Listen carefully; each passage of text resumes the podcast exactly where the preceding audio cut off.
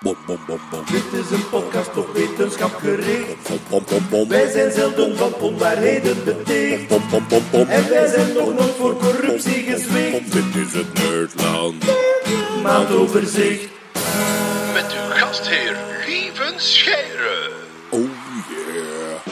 Een goede dag iedereen en welkom alweer bij een nieuw Nerdland maandoverzicht. Wij kijken terug op de maand eh, november 2018 en we kiezen daar een beetje uit wat we zelf het leukste vonden.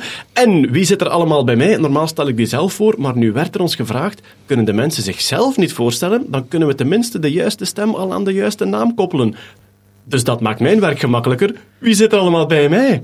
Ik ben Jeroen, deze stem is die van een verkoude robot. Daar eh, herken je mij aan. Ik ben een computerwetenschapper en ja, dit is mijn stem. Hallo iedereen. Uh, ik ben Kurt, uh, ja, zo een beetje elektronica en ook computer fan en uh, technologie in het algemeen. Hallo, ik ben Hetty, ik ben uh, kankeronderzoeker en ik hou heel veel life science nieuws in de gaten. Dus uh, hallo allemaal. Ik ben uh, Nathalie, ik heb elektromechanica gestudeerd, werk in IT, connoisseur van vage dinosaurusweetjes. Van wat? Vage... Van vage dinosaurus. Oké, okay. ik, hoorde, even iets anders. Ik hoorde de vaginasaurus en ik ben van het Je zei dat... Vage, vage dinosaurus. De vaginasaurus. Jeroen is hem aan het googlen en als hij hem niet vindt, gaat hij aan het tekenen, denk ik. Dus ja, goed. En dan hebben we nog Peter. Ja, hallo, ik ben Peter. Uh, ik ben uh, van beroep uh, ben ik uh, Geneverstoker, maar in mijn vrije tijd hou ik mij bezig met allerlei dingen die rond insecten draaien. En, maar je bent ook entomoloog en je bent ook lang ja. professioneel entomoloog ja. geweest, hè, in de ja, insectenkweek. Zowel in de educatieve richting als insecten kweken ja. okay. op grote schaal. Sava, goed. En wij zitten natuurlijk weer klaar om uh, een beetje wetenschapsnieuws om ons los te laten. En we gaan gewoon echt met de allergrootste deur van deze maand, misschien zelfs dit jaar, in huis vallen. We kunnen er niet omheen. Vorige maandag, Hetty, werd ik wakker met een tweet van jou. Ja. En jij kondigde aan, de eerste CRISPR-baby zou geboren zijn. Ik zeg er zou bij, want -huh. ik, vraag, ik vraag het aan u ook. Hoe ver staan we nu met te weten of er wat er uh, echt uh, of niet echt gebeurd is? Maar dus vorige maandag was er een YouTube-filmpje. Een Chinese professor zei, ik heb de eerste genetisch gemodificeerde baby gemaakt. Ja. Ah, we kunnen beginnen met de CRISPR-jingle, met de korte uitleg van wat CRISPR is. Ah, ja, ik, ik ging het net vragen. Voilà, ja, waar goed. is de jingle? Hier komt de jingle. Wel, er is nieuws, het is CRISPR nieuws en CRISPR is gewoonweg de revolutionaire techniek om snel en goedkoop veranderingen aan te brengen. DNA organisme. Zo, nu is iedereen natuurlijk mee. En dus die techniek hebben ze nu toegepast op de mens, hoewel dacht ik dat dat verboden was. Ja, wel. Misschien eventjes terug naar, uh, naar afgelopen maandag inderdaad, de 26 november. Toen we in het Westen wakker werden met het nieuws dat in China een tweeling geboren zou zijn die dus genetisch gemodificeerd is.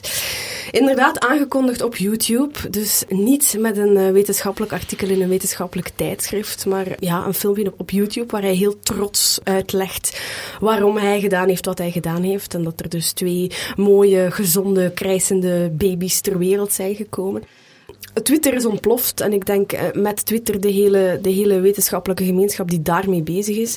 Dit was te verwachten, maar ik, ik had eerder gedacht binnen 10 of 15 jaar of zo. In welk land was het ook alweer? China. Wie had er dat voorspeld ja. in de voorbije podcast? Nou, wel, ja, inderdaad. Ja. Nu, uh, in eerste instantie was het zeer onduidelijk, is dit nu een, een reclamestunt? Want de dag nadien, de dinsdag, ging de tweede International Summit on Human Genome Editing uh, plaatsvinden of starten. De eerste in 2015, daar is destijds beslist om een moratorium in te stellen op embryo's. Op de mens, hè? want op, de, ja, op planten en dieren doen we het constant, embryo's, maar niet op de embryo's, mens. Ja. ja, absoluut. En ook uh, als, als kanttekening, we doen het op de mens, maar in, uh, in kankertherapieën bijvoorbeeld, in, in volwassen mensen gebeurt het wel en is ja. het wel ethisch aanvaard. Maar goed, 2015 uh, zijn er een aantal richtlijnen uitgeschreven van laat ons dat maar niet doen. Maar eh, ja, dan blijkt plots dat nieuws te komen dat dat toch zou gebeurd zijn. Dus de, ja, de eerste vraag was, is dit waar? Hè? Of is dit gewoon een, een, een aankondiging voor die, voor die conferentie? Is dit fake news? Is dit aandacht zoeken? We zijn nu een week later. Het lijkt er toch op dat die eerste twee genetisch gemodificeerde mensen op aarde rondlopen op dit moment. Ja. Ja. Zo snel al. Ja. Nee. Ja, nee, pak ze op, techni- pak ze op technicaliteiten. Ja, maar- die, het die een hele wereld stort in en jij zit hier... Maar het is dat gen dat ze aangepast hebben. Aha, De baby is wat- wat- stappend ja, geboren. wat- wat- Daar was ik, daar Ja. was, ik echt zo benieuwd naar. Van, wat hebben ze dan juist aangepast? wel. Ook dat is, is, wel, dat is misschien nog het grootste probleem. Ik ben geen tegenstander van de techniek. Ik denk dat we daar op termijn, ook voor het menselijke ras, mooie dingen mee gaan kunnen doen. Als we dat zware problemen wegknippen. Zware handicaps, kinderen die niet langer dan een jaar leven.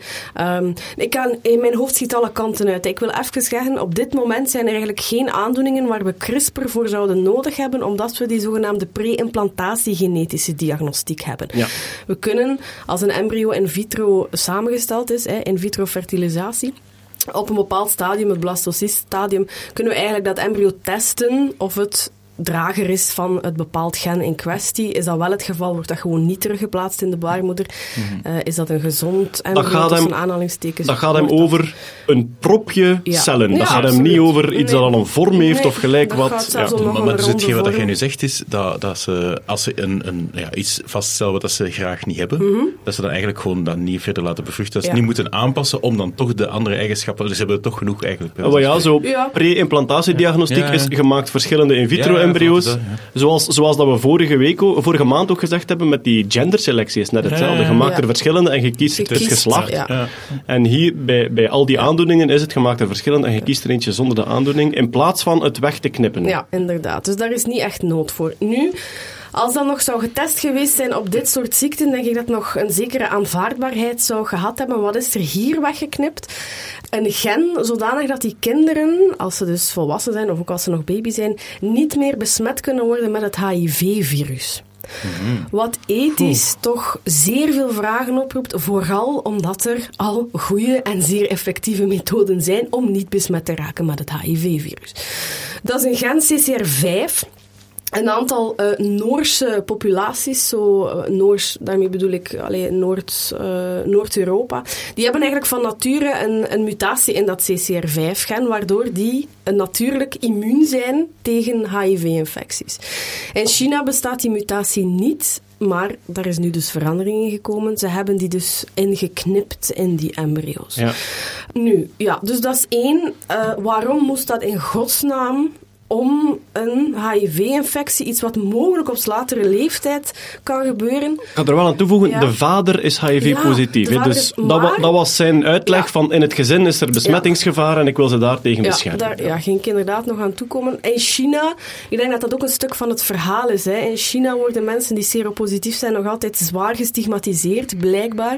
En ik denk dat de, de normen, de sociale normen daar anders zijn. Ehm allee, de professor heeft zelf een aantal richtlijnen uitgeschreven van ik wil alleen dat er gekrisperd wordt om die en die en die en die redenen. Een van zijn eigen richtlijnen is om een zeer zware ziekte te voorkomen.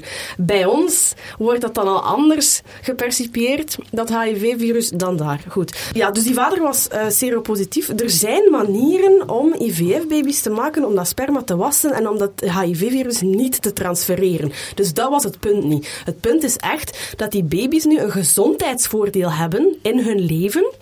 Dat die namelijk eh, voor een groot deel, want HIV kan nog via andere manieren wel hen besmetten, dat is dan nog zo'n kanttekening daarbij.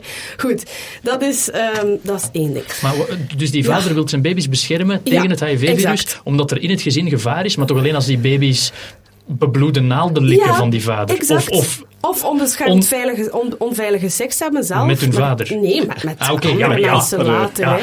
Ja, Sorry, ja. ja. Nee, ik was hetzelfde aan het denken. Ja, voilà, ja. nee. Ehm, goed, dus dat is wat is er gebeurd. Nu, dat CRISPR, eh, we weten dat knipt in het DNA. We weten ook dat dat soms knipt op plaatsen waar het niet moet knippen. Ehm, dus voor mij is het veel te vroeg om nu al in embryo's te gaan knippen. Hè. Dat is één ding. Wat blijkt nu, hij heeft dan de woensdag eigenlijk een uiteenzetting gegeven. we hadden alleen de YouTube-video, hij heeft dan een talk gegeven op die, op die conferentie. Daar zijn al meer details boven water gekomen. Blijkt dat CRISPR inderdaad wel geknipt heeft op de juiste plaats, maar helemaal niet de mutatie die zo common is hier in Noord-Europa. Dus ehm, dat is een CCR5 delta 32 mutatie. Dat zijn eigenlijk 32 bazenparen die uit het DNA verdwenen zijn. Dus ze wilden dat met CRISPR gewoon wegknippen, ook die 32 bazenparen. In de ene, het ene meisje van de tweeling zijn er 15 bazenparen uitgeknipt. In het andere meisje is mosaïs, wat wil zeggen dat ze eigenlijk verschillende soorten eh, genen door elkaar Ah, dus een, heeft. een deel van haar cellen Ja. zijn wel gemuteerd Ja. en een deel van haar cellen nog niet. natuurlijk. En daar is dan, Jongens. er zijn vier bazenparen uit of er is eentje erbij gestoken. Met andere woorden, zij wilden daar iets doen wat in de natuur voorkomt, maar dat is totaal niet gelukt. En vooral, we hebben geen indicaties wat het effect daar wel van is, van, van wat daar nu Maar, gebeurd maar gaan, ze dan, is. gaan ze dan nu ooit testen of dat die mutatie gelukt is door die te besmetten met HIV bijvoorbeeld? Nee, ja, nee, natuurlijk niet. Het is China. Ik verschiet van niks meer. Maar ik, wat ik me wel afvroeg is, dus je hebt inderdaad nog eh, risico's dat er na een ingrijpen met CRISPR nog iets misloopt Ja. in de verdere ontwikkeling. Ja. Ehm, op welke leeftijd gaat dat duidelijk Ja, worden dat is bij wat hen? niemand weet. Dat is Want vorige maand, vorige maand sprak jij ook van bij, bij bepaalde ingrepen dat je corpulent wordt, onvruchtbaar, dat soort. Ik weet niet wat de risico's zo groot zijn voor dag. Mhm. Maar dat weten we gewoon Kan het eender was zijn. Kan het zo Maar- zeggen, van, vanaf zijn negen jaar is dat kind wordt hij blind van broccoli. Oh, oh damn. Maar... pff, niet- niet Ja, stom voorbeeld, Tima. Nee, maar ik, ja, want je grijpt in op een gen. Dat gen zit niet in ons lijf om ons te beschermen tegen HIV. Dat gen zit daar om iets te doen. Om cellen iets te laten doen. Als je daarin begint te knippen... Wij hebben altijd de neiging om te denken, genen veroorzaken ziekten. Maar dat is niet waar. Genen zitten daar om een natuurlijk lijf goed te laten werken. Die en hebben wij een weten, functie, Die ja. hebben een Ja. functie waar dat we nog zo weinig van af weten. Wij kennen genen via de ziekten die ze veroorzaken. Wij kennen genen niet via een normale functie. En is dan het grote probleem daarmee? Want toen ik dat las, dacht ik van... CRISPR zou wel totally op punt zijn, maar dat is vooral een ethische kwestie. En we mogen daar niet ingrijpen, want dat, dat, je, je legt je standaard ergens anders nu daarmee. Maar het is dus echt nog gewoon fysiek, er kunnen dingen misgaan. Maar ja, absoluut. Het is ethisch en niet aanvaardbaar en het staat totaal niet op punt. Dit moest echt nog minstens 10 of 15 jaar eerst in muizen, dan in grotere zoogdieren getest worden wat het effect daarvan is. Het is De, echt de universiteit, ja, dat dat de universiteit is. waar dat hij zogezegd aan werkte, heeft, heeft een soort van verwoording geschreven van Ja. goh ja, we waren er niet helemaal van op de hoogte. Ja, ja, nee, ze hebben het sterk veroordeeld. Maar Eh, hij had, hij, hij Ja. had, hij had verlof genomen. Hij heeft het Ja. privé gedaan Ja, eigenlijk. Dat, ja. ja. Ja, ja, Ja. effectief. En dat vind Ja. ik... Ik vind dat ook, want allee, de, de plot thickens hè, over, over de voorbije Waanzin. week. Ja, maar goed, het raakt uw hart Ja, en dat is te begrijpen. zo een wilde furie aan het Ja, ontsteken. inderdaad. Eigenlijk hadden we dit moeten filmen. We zullen nemen en shamen. Zijn naam is gewoon Hey Janku. Janku. Janku, Ja, verdorie. Hey Janku. Hey, ja. Ja, Hey is de voornaam. Hij is de familienaam. Ja, dat weet ik niet, want Oh, in ja. China wisselen ze dat altijd om. Die volgorde Ah, is, omgekeerd. En eh, inderdaad, He, dus H-E, is, is zijn eh, familienaam. En dat was heel tof in alle artikels. Hij om- met een hoofdletter. Ja, en omdat alle spellingscorrectoren werden zot. He Want- edited the babies. Ja, ja he edited the babies. En dan ehm he's investigations. En, eh, en he's methods. Dus dat was dan he, afkappingsteken S, alsof dat je heel slecht Engels aan het schrijven was. En al die spelcorrectoren zeiden, nee, dat moet his zijn. Nee, deze keer niet. Eh, maar dus, hij heeft verlof genomen en hij heeft het min of meer in zijn privélab gedaan, Ja, wat nog maar eens aantoont hoe, ja, hoe dat in een CRISPR-techniek echt bijna in de, bijna in de garage kan gebeuren. Dus eh, de, de maandag ehm, zijn we met z'n allen beginnen zoeken van hoe echt is dit. En dan bleek inderdaad dat er een, een clinical trial geregistreerd was. Ehm, dus dat hij geregistreerd had online. Er is zo'n database waarin dat je eigenlijk alle experimenten op mensen moet bijhouden. Ehm, dus maar veel te laat. Hij heeft dat 5 november geregistreerd, terwijl dat hij daar al twee jaar mee bezig is. Daarin stond dat hij effectief koppels gerecruiteerd heeft waarvan de man seropositief is en de vrouw niet. Dat die op zoek waren dus naar mensen die, die een kinderwens hadden enzovoort. Dan is ook een ethisch document opgedoken, een goedkeuring van het ethisch comité van het ziekenhuis waar dat allemaal zou gebeurd zijn. De dag daarop heeft dat ziekenhuis ontkend eh, en gezegd die handtekeningen zijn vervalst daarop. Precies. En dan inderdaad, de universiteit waarin hij al die twee dagen gelinkt werd, zei van, oh nee, die man is al sinds februari met verlof zonder wedden. En die heeft dat dus ergens anders gedaan. Um, maar dit is, sorry, dit is echt waanzin dat wij hier daar nu, november 2018, moeten over praten. Uh, er zijn richtlijnen bij ons bijvoorbeeld is dat verboden hè, om, om een zwangerschap te bewerkstelligen met zo'n gemodificeerde baby uh, bij wet. In China zijn er gewoon richtlijnen waardoor hij zelf ervan overtuigd is: ik heb de wet niet overtreden, ik heb niks illegaals gedaan, ik heb gewoon richtlijnen niet gevolgd waarvan ik gewoon zelf vind dat ik ze niet hoef te volgen. It was a suggestion. Ja, en hij is er trots op. Hè. Ja, en, en, en waarom? Kijk zou naar denken, die video. Je zou denken, die video's, ja, ja, hij is zeer, zeer trots op zichzelf. En hij heeft toch maar 843 subscribers op zijn YouTube-kanaal. Dus ik bedoel, de grootste wetenschappelijke schande van het jaar. Maar ehm, zitten, we, zitten we bij hem niet, in plaats van zijn, zijn uitleg van ik probeer die kinderen Mhm. te helpen en te beschermen, zitten we bij hem niet met een soort... Ik wil de Neil Armstrong van Ja. de CRISPR zijn. Ja. Ik wil de man zijn die Ja. het als eerste gedaan Ja. heeft en in de geschiedenisboeken Ja, geraakt. absoluut. En, en iedereen zegt, die, die drang om, om de eerste te willen zijn, heeft ervoor gezorgd dat er heel veel mensen, want er zijn er zeker nog mensen mee bezig, hè, shortcuts genomen hebben die echt niet hadden mogen genomen worden. Ehm, nogmaals, hè, ik geloof daarin, ehm, maar dat is iets wat we in 2012 ontdekt hebben. Dat is amper zes jaar geleden. Ja. We, we kunnen daar... En, en vandaag zijn die baby's er. Dat is, dat is Zeg, maar- veel maar- te snel. Los, los van het ethische uiteraard, want ja, die kinderen die zijn nu, en je weet Oh. eigenlijk niet 100% zeker hoe dat die gaan evolueren en zo, maar ehm, hoe groot zou dat, zou dat een bedreiging kunnen zijn voor, voor, voor de mens of voor de verdere ontwikkeling? Stel dat daar iets geknipt is, dat dat muteert, en ik denk nu science fiction en Hollywood natuurlijk, niet zo extreem, maar Mhm. Nee. zijn die risico's of niet? Natuurlijk zijn die risico's er. Vooral, ik zeg het, omdat wij niet kunnen inschatten wat het effect is van elk van onze genen. En vooral niet wat het effect is van daarin te gaan knippen. Ehm, en die kinderen zullen, hoop ik, dan toch wel zeer nauw opgevolgd worden. Maar, allee, dit is science fiction, hè. Je moet daar eens nuchter Het is over exact zodat die nadenken. X-Men-reeks begint. Hè. Wel, maar we, hebben, we, zijn nu, we zijn nu een paar keer beschuldigend naar China geweest. Mm. Eigenlijk was het wel een beetje een, een rogue scientist. Als zijnde, de universiteit was compleet tegen. Mm-hmm. Heeft het in de felste bewoordingen veroordeeld. China heeft nu ook een wet ingevoerd, Ja. denk ik. hè. Dus nu is heel het richtlijn is van de baan. Het is nu echt een wet. Het is officieel verboden En in die, China. Die, die studie zelf van hem is stopgezet. Ja. Maar hij sprak ook van een zwangerschap die gaande Ja, was. klopt. Er waar is dan nog een in. zwangerschap gaande in een zeer vroeg stadium. Dus ik vermoed de eerste maand, maanden. Ehm, ja, dus die, die baby zit daar nog in. En ook met de Ja. HIV-dingen. Ja. Ah ja, dat was trouwens iets dat ik me afvroeg. Ik heb ooit, eh, ja, ooit opgevangen dat de HIV-resistentie in die noordelijke bevolkingen, dat dat door de pest zou komen. Omdat de pest gepasseerd Mhm. Ah, ik was. heb dat nu niet opgezocht, maar dat zegt mij ook iets. Dat zou wel kunnen. Goed, we, Ja. we, we, we kijken een andere keer. Voilà. En eh, Ja. anders eh, vertellen we het volgende, Ja. volgende maand.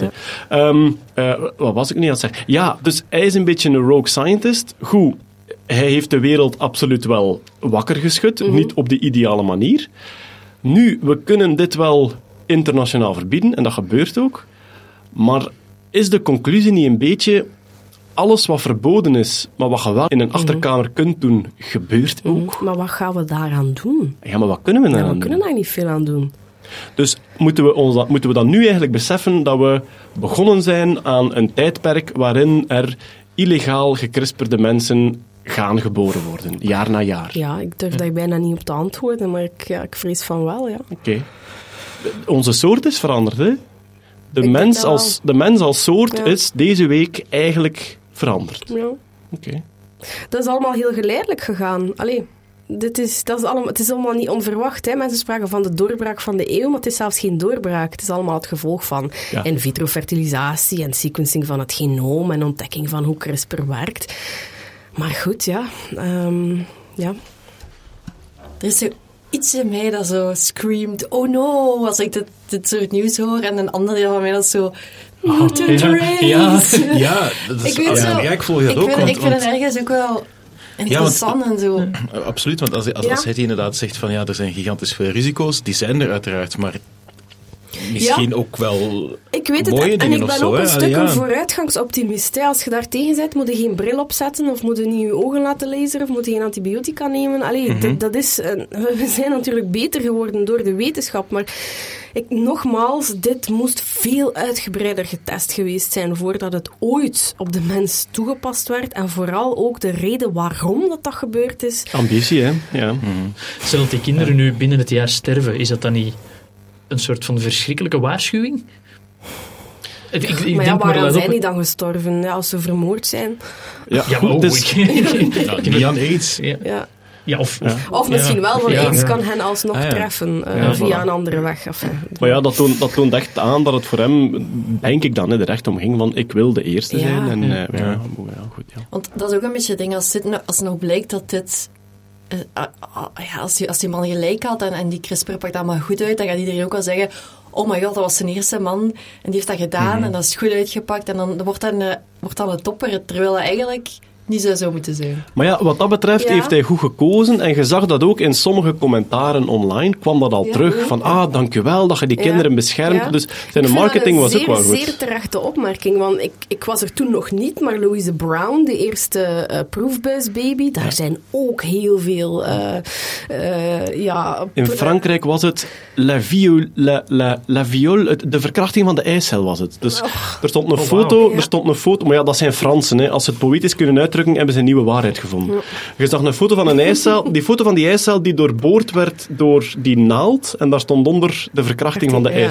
Ja. Oh, hemeltje. Maar goed, dan blijkt dat dat iets is wat eh, nu 40 jaar zeker dit jaar, 40 jaar later heel veel, heel veel mensen eh, heel gelukkig heeft gemaakt. Maar dat was natuurlijk uitgebreider getest.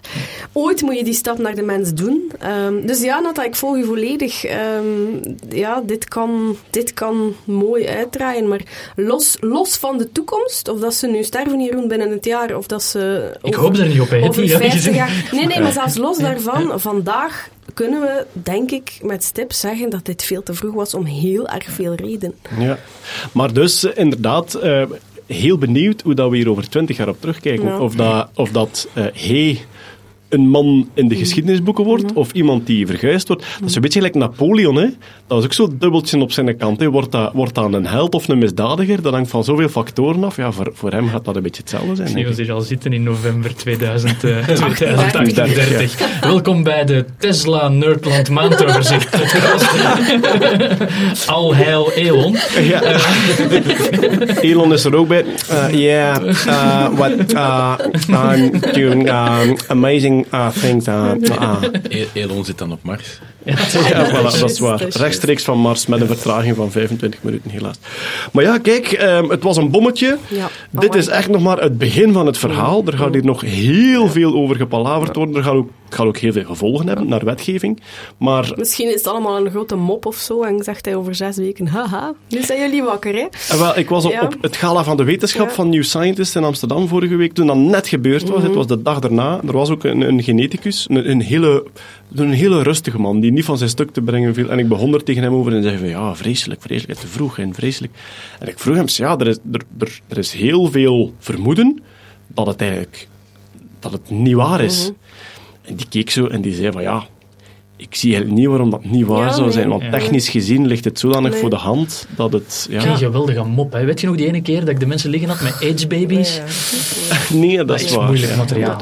ja, ja, ja, voilà. Ja, nee, het, het- er is nooit echt twijfel geweest of het waar was dat hij het geprobeerd had. De vraag was, is het gelukt? Hè? Zijn die genen echt aangepast? En dan zijn nu de sequencing data er van, van de, de pasgeboren baby's en uh, navelstrengbloed. En dan blijkt er toch inderdaad ingeknipt te zijn. Ja, het ging op, ook op Twitter, wat, verscheen er direct een lijst waarom dat het, dat het technisch eigenlijk toch moeilijk was. En een van die argumenten daar was mozaïek. hè, dus gepast aan, maar wat blijkt, die cellen beginnen te kopiëren en een deel van je lichaam herstelt het terug.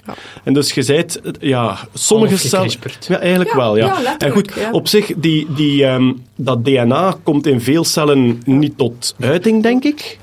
Ehm, ah ja, nee, dat zit inderdaad. Ja, dat is ook nog waar. Ze komt inderdaad niet overal tot expressie. Nee. Dus in, in Ja. veel cellen maakt het niet uit welke Ja, versie dat erin zit. klopt. En dan voor de rest. Want ik geloof zo, lapjeskatten Ja, zijn ook exact. eigenlijk Ja, Ik mozaïeken. ging hè? daar het voorbeeld geven als klassieke voorbeeld. Als je over mo- mozaïcisme leert, de lapjeskat, die heeft eh, inderdaad bruine en zwarte en witte plekken op zijn lijf. En dat is een mozaïek, letterlijk, hè, van, eh, van genen. En dat is dus het geval bij één van die twee ook. Ja, inderdaad. Hoe, hoe kunnen ze dat vinden bij een test? Ja, ze kunnen dat sequencen hè, en dan zien ze op, op de plaats dat er bijvoorbeeld twee bazenparen uitgelezen worden in plaats van eentje. Of moet je dan op verschillende plekken ook sequencen? Moet je dan wangslijm en bloed en iets anders enzovoort? Ze hebben wangs, eh, niet wangslijm gedaan, ze hebben inderdaad bloed gedaan van de moeder, ze hebben navelstrengbloed gedaan, ze hebben placenta gedaan. Dus ze hebben wel heel veel gesequenced. Ja. Ik heb slecht nieuws, mevrouw. Ik kan alleen HIV krijgen in uw elleboog. En, en was dat een van de gekende gevolgen van, van CRISPR, dat je mooi cystisme kunt krijgen? Of is dat iets nieuws dat we nu weten? Ja, vermits dat we daar echt bijna nog geen experimenten op gedaan hebben. Wat Lieven zegt, hè, er zijn een viertal experimenten in embryo's geweest. eh, en een van die vier heeft inderdaad aangetoond dat, dat er mozaïeken gevormd worden. Dus dat lag wel in de lijn van de verwachtingen. hè. Voor volgend land gok ik op India. Mexico, Mexico? Noord-Korea. Ja, maar ik, ik, mijn gok is India. Ja, Je is hebt een paar hotspots. Zuid-Korea is ook nogal... Dat is zo het hondenkloon-epicentrum ook. hè. Als je een hond Ja, dood is en je wil hem nog eens, ja. dan moet je naar Ah, ja, ja, Zuid-Korea. zoals de Dolly Ja. Parton. eh, Ja. ja. En Barbara Streisand. Ja, juist. Barbara Streisand Maar wat ik ook aan de morgen gezegd heb, ik, ik heb het gevoel dat wij echt wel nood hebben misschien aan iemand die de vertaalslag kan maken tussen wat er op maatschappijgebied leeft in, in die landen, hè, China Ja. onder andere, en, en het Westen. Want je kunt wel internationale regels eh, uitschrijven, maar dan voel je toch dat de ergheid van de ziekte in, in, in bepaalde landen anders ja, gepercipeerd wordt. Wel, dan mijn, eh, en ethiek over kinderen, dat is, ja, daar kun je ook al en drie over maakbaarheid ja. van mensen, die, die kijken daar heel anders naartoe. Allee, gezien Wel, de mijn, mijn ook. neef eh, Frederik, Jonas zijn broer, Ja. die heeft dus jarenlang in China Ja. gewoond en, en gewerkt. En dat is, ja, dat is een van de weinige mensen, ja, sowieso de enige die ik ken, maar die echt een, een beeld heeft op alle twee. En die ook, die ook mij soms dingen kan uitleggen over China die door ons totaal verkeerd begrepen Kijk, worden, omdat dat een licht cultuurverschil Zou je dat is. super boeiend vinden om daar een keer ja, dieper op in te gaan? Of, of te horen van iemand van, ja, waar, waar komt dat vandaan en waarom zijn die daar nu zo trots op? We zullen hem eens uitnodigen. hè. Of, of een moeilijke kiek maken of zo. Ja. Met, eh, met, met, met Frederik. Goed, ja, we hadden er echt wel de volle twee uur mee kunnen vullen. Maar Mhm. we gaan toch over naar het volgende onderwerp. Dit is ook eentje, die komt nog terug. Hè. Dat voelde nu al. Tuurlijk. Hier gaan, we het, hier gaan we het opnieuw over hebben. Ja. En de kans is ook niet nul dat we het er opnieuw over gaan hebben. Omdat er een tweede geval opgedoken is Ja, elders ja. in de wereld. Ja, dat, eh, absoluut. Ja. En dan hebben we het enkel maar over die waar dan we- waarvan dat we weten. Want dat is ook al een Mhm, dat is het. Als je zo in 18 jaar een of andere superheld op de Olympische Spelen hebt, dan... eh, daar ben ik dan ook nog bang voor. Genetische doping, Ja, ja, zoiets, tuurlijk. ja. Dat we over twintig jaar Oh. plotseling atleten zien die meer kunnen dan dat we Ja. verwachten en we mogen niet weten waarom. Ja. Nou ja, wie weet. Ah, ja, het kan allemaal. Het kan allemaal. Maar laat ons naar de insecten gaan. Ja. Om, het, ja. voilà, om het hier allemaal terug wat vrolijker te maken. Eh, Peter, er zijn ehm, koppensnellers gevonden bij mieren. Dus het gaat hem over een mierennest. Ze doen dat mierennest open. En wat vinden ze daar? Een tapijt van afgehakte hoofden van andere mierensoorten. Wat bezielt onze zespotige vrienden, Peter? Wel, de, de mier in kwestie is Formica archboldi, maar oké, goed. eh, Dat is maar een naam, dus dat is niet belangrijk. Ehm, het, het feit dat een Formica is, dat, dat wil zeggen dat het hetzelfde genus als de, de bosmieren die hier bij ons zitten, die grote, die grote koepelnesten maken. Ja, En ehm, blijkbaar jagen die op wat ze de zogenaamde trapjaw ants noemt. Je hebt dus, eh, je weet wat een, een wolvenklem is. ja. Dus je, je trapt daarin en dat klapt dicht. Wel, er zijn mieren die hebben dus eh, eh, eh, twee kaken die ze eigenlijk eh, 180 graden open kunnen klappen. Die zitten dan vastgeklikt en ze hebben dan twee haartjes van voor. Van het moment dat iets die haren raakt, klappen die kaken dicht. Dat zou blijkbaar de snelste spierbeweging in de dierenwereld zijn. Dat is een fractie van een, van een paar milliseconden zelfs. Wacht even, het wacht meest- even. Ja. Kent iemand de mantis shrimp? Want Ja, dat Ah, de ja, dat wereld snelste- zijn. ja, De mantis, dat is juist. Er is discussie over, maar voor, volgens, eh, volgens wat ik gelezen heb, zouden... Van de shrimp. Oh, Is, is dat ook de, de pistool, de pistol shrimp? Ja, ja, Dus dat is die, ja. die, die zijn pistols, klauw openzet ja. en dan Ja. zo snel dichtslaat dat er een soort vacuüm ontstaat Ja, en terug dicht is en dan schokgolf. gaat er een schokgolf waardoor hij zijn, zijn, zijn ja, prooi kan Ja. verlammen. Maar dat werkt natuurlijk enkel onder water. Dat kan je niet doen Ja, in lucht, klopt. omdat lucht samendrukbaar Die is. mantis shrimps die kunnen het aquarium ook breken. Hè? Het aquariumglas daarmee. Hè? Echt zo Lucky Luke. Ja, zo, tak, en dan... Fastest Ja, shrimp in the West. maar, eh, maar die Odontomachus, dus dat jaagt op, ehm, op springstaartjes. En die kaken zouden zo snel dichtslaan dat die mier dat zelf niet beseft. Dus zo snel gaat het. Dus het signaal... Er staan prachtige slow-mo-video's Ja. van onderzoekers die dan... Die mier loopt rond en ze gaan gewoon met een staafje tussen die, tussen die twee openstaande kaken. Ja. En die kaken die klappen zo hard dicht dat die 20 centimeter achteruit vliegen. Dus die mieren hebben een Oh, terugslag van Ja. 20 centimeter net, Die gaan zo snel dat die mier dat niet beseffen. dus die mier loopt rond. Flikker 20 centimeter achteruit. Is zo, zo, "Oeh, what waar ben ik nu? Je snapt daar niks van. Ze gebruiken dat trouwens als verdedigingsmechanisme. Hè? Dus als die worden aangevallen, die kunnen dat, eh, als, als er een vijand die dan aanraakt, die klappen dicht en die zijn 20 centimeter weg. En Ah, ja. Dus waar, is, waar, is dat, waar is dat beest naartoe? Maar dat is echt... Dus die hebben letterlijk een wolfklembek. Ja. Ik voel na Spider-Man een nieuwe superheld ontstaan. Wolfklembek. Dat- We hadden Ant-Man Ant-Man al. Hè? Ah ja, Dat Ant-Man. doet al, meer ja. een beetje zo... Allee, hoe freaky zou het zijn als mieren zo human-sized waren eigenlijk. Heel Ja. freaky als ik weet E- het. eigenlijk is ja, ik heb, ik heb ooit gedacht dat zou een tof sketchprogramma zijn. Dat Ja. je gewoon één eigenschap van een bepaald dier vertaalt naar de mens en dit dan laat doen. Zoals bijvoorbeeld, eh, wat is het, die, die doodgraverkevertjes. De mannetjes, als ze vruchtbaar zijn, is de helft van hun lichaamsgewicht zaad. en dan denk ik, oké, we maken een sketch van het gezin dat beneden zit te eten en de tienerzoon zit nog even op zijn kamer. en even later, Fladach! Zwart, Peter, ga vooral verder. Ja, dus die trapjaw ants zijn in dit geval dat zijn heel, ehm, heel actieve predatoren van andere insecten.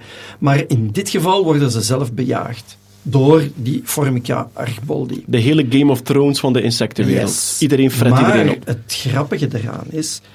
ehm, alle insecten hè, die hebben dus een exoskelet. En op dat exoskelet aan de buitenkant zit een waslaagje. En heel veel van die, van die waslagen die zijn doortrokken van een soort eh, eh, koolwaterstoffen. En bij mieren wordt dat koolwaterstofprofiel gebruikt om elkaar te herkennen. Ja. Op die manier kunnen ze dan onderscheiden of de mier die zij tegenkomen een van een ander soort is. Maar ook, en dat is, dat is, voor mieren is dat heel belangrijk, dat kan een van dezelfde soort zijn, maar van een ander nest. En dan is dat ook per definitie prooi of vijand. En dan moeten ofwel aanvallen of gaan lopen. Ja. Maar wat gebeurt er nu? Die formica's die hebben blijkbaar het koolwaterstofprofiel van de trapjaw ants. Van hun prooi Van hun overgenomen. prooi overgenomen. Oké.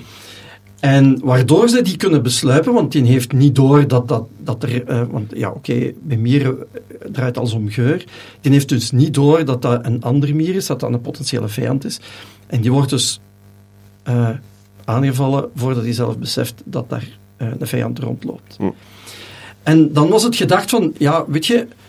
Bij mieren is het zo, dat koolwaterstofprofiel, dat wordt veranderd door de voeding die je hebt. Dus als je nu twee identieke nesten neemt, ah, twee nesten van de identieke soort, je geeft een ene bijvoorbeeld pissebedden en je geeft een andere alleen vliegen, dan gaat het koolwaterstof van beide soorten, van beide nesten anders zijn. Een andere Die gaan- geur door de Die gaan een andere ja. geur door hun eten hebben. En ze dachten eerst dat het daaraan lag, maar wat blijkt nu, dat is helemaal niet zo, want de formicas, dus de, de aanvallende koppensnellende mieren, zullen we dan maar zeggen, die kunnen zeven maanden nadat die ook, ook maar geen enkel prooidier, prooimier hebben, hebben vastgehad of, of daarmee in contact gekomen, hebben die dat profiel nog altijd. Dus men ver- vermoedt dat het geëvolueerd is. Echt dat- genetisch... Ja, eh, ja. en ehm, dan dachten ze van, ja, en een van de pistes was, dat is de reden waarom ze die koppen bijhouden. Dus ze pakken die trapjaw ants, ze pakken die mee naar het nest, ze trekken die in stukjes, ze eten hem op of ze voeren aan hun, aan hun larves, maar de koppen bewaren ze. Als tapiplein. Ja, als, waarom was die koppen bij? Dus nu dachten ze van, ah ja, oké, ehm, op die manier kunnen, blijft die geur van die, eh, van die prooidieren in dat nest. Maar ja, dus als nu blijkt, dat zelfs als ze zeven maanden aan een stuk niet in contact daarmee komen, dat ze die geur, dat geurprofiel nog altijd hebben. Nu vermoeden ze, de formica, dus Decoratie. de... Nee, het is, ja, Wel, Timmy, je Nee, vijand is zich dagelijks in met het eh, hoofd van je overleden opa. Aan de andere kant, ik wil ook wel allee, zo een troonschedel van mijn vijanden. waar je dan wijn in kunt drinken, zo. Gelijk de vikings, ah, waarom men weet dat de vikings dat deden. De vikingmier. Ja. Maar ehm, wat blijkt nu, er ehm, loopt in dat gebied, want dat is, eh, dat is een soort die in Florida voorkomt. Hè. Ehm, daar in het gebied loopt ook een Amazonemier. Die hebben we hier trouwens ook. Amazonemieren zijn slavendrijvers. Dat zijn die die zo schuin op hun paard zitten. Hè? Ja, dat zijn- Dus die, zijn, die, die kunnen zelf geen, die, die volwassen mieren, die werksters, die kunnen zelf geen jongen grootbrengen. Dus wat doen die? Die roven een ander nest, die vallen dat aan, die bijten daar een paar van die werksters dood, doden nooit de koningin trouwens, want ze moeten dat nest een paar keer kunnen hergebruiken. Pakken de poppen en de larves mee, die worden dan in het nest grootgebracht en die werken daar als slaven. Allee. Ja, dus we hebben dat hier, hier in, er is nog één populatie in Kalmthoutse Hei, denk ik, en in, in Lommel vermoeden we dat er nog één nest ergens zou moeten zijn. En hoe planten die zich voort? Want goed, je hebt dan slaven, maar je wilt wel je eigen soort verder doorgeven. Die koningin, die, koningin eh, die vliegt uit, die paard, en die gaat naar een slavennest, dood daar de koningin en eh, Neemt dat over. neemt dat over. Echte koekoeksmier. Ja, het is een soort koekoeksmeer. ja. Nu, dus dat principe bestaat ook bij die formica's in Florida. En men vermoedt nu dat het verzamelen van de schedels van hun prooidieren, dat zou kunnen toeleiden dat die polyergus, dus die Amazonemier, denkt van, ah ja, maar dat is geen formica-nest, dat is een odontomachus-nest. Met die soort heb ik niks van doen. Dus zij proberen die koppen bij te houden om hun eigen vijanden weg te jagen. Ah, maar gewoon als kop. Want ik dacht zo, als Ja. ze die klemmen terug kunnen opspannen Ja. en ze kunnen hun... Ah ja, zo.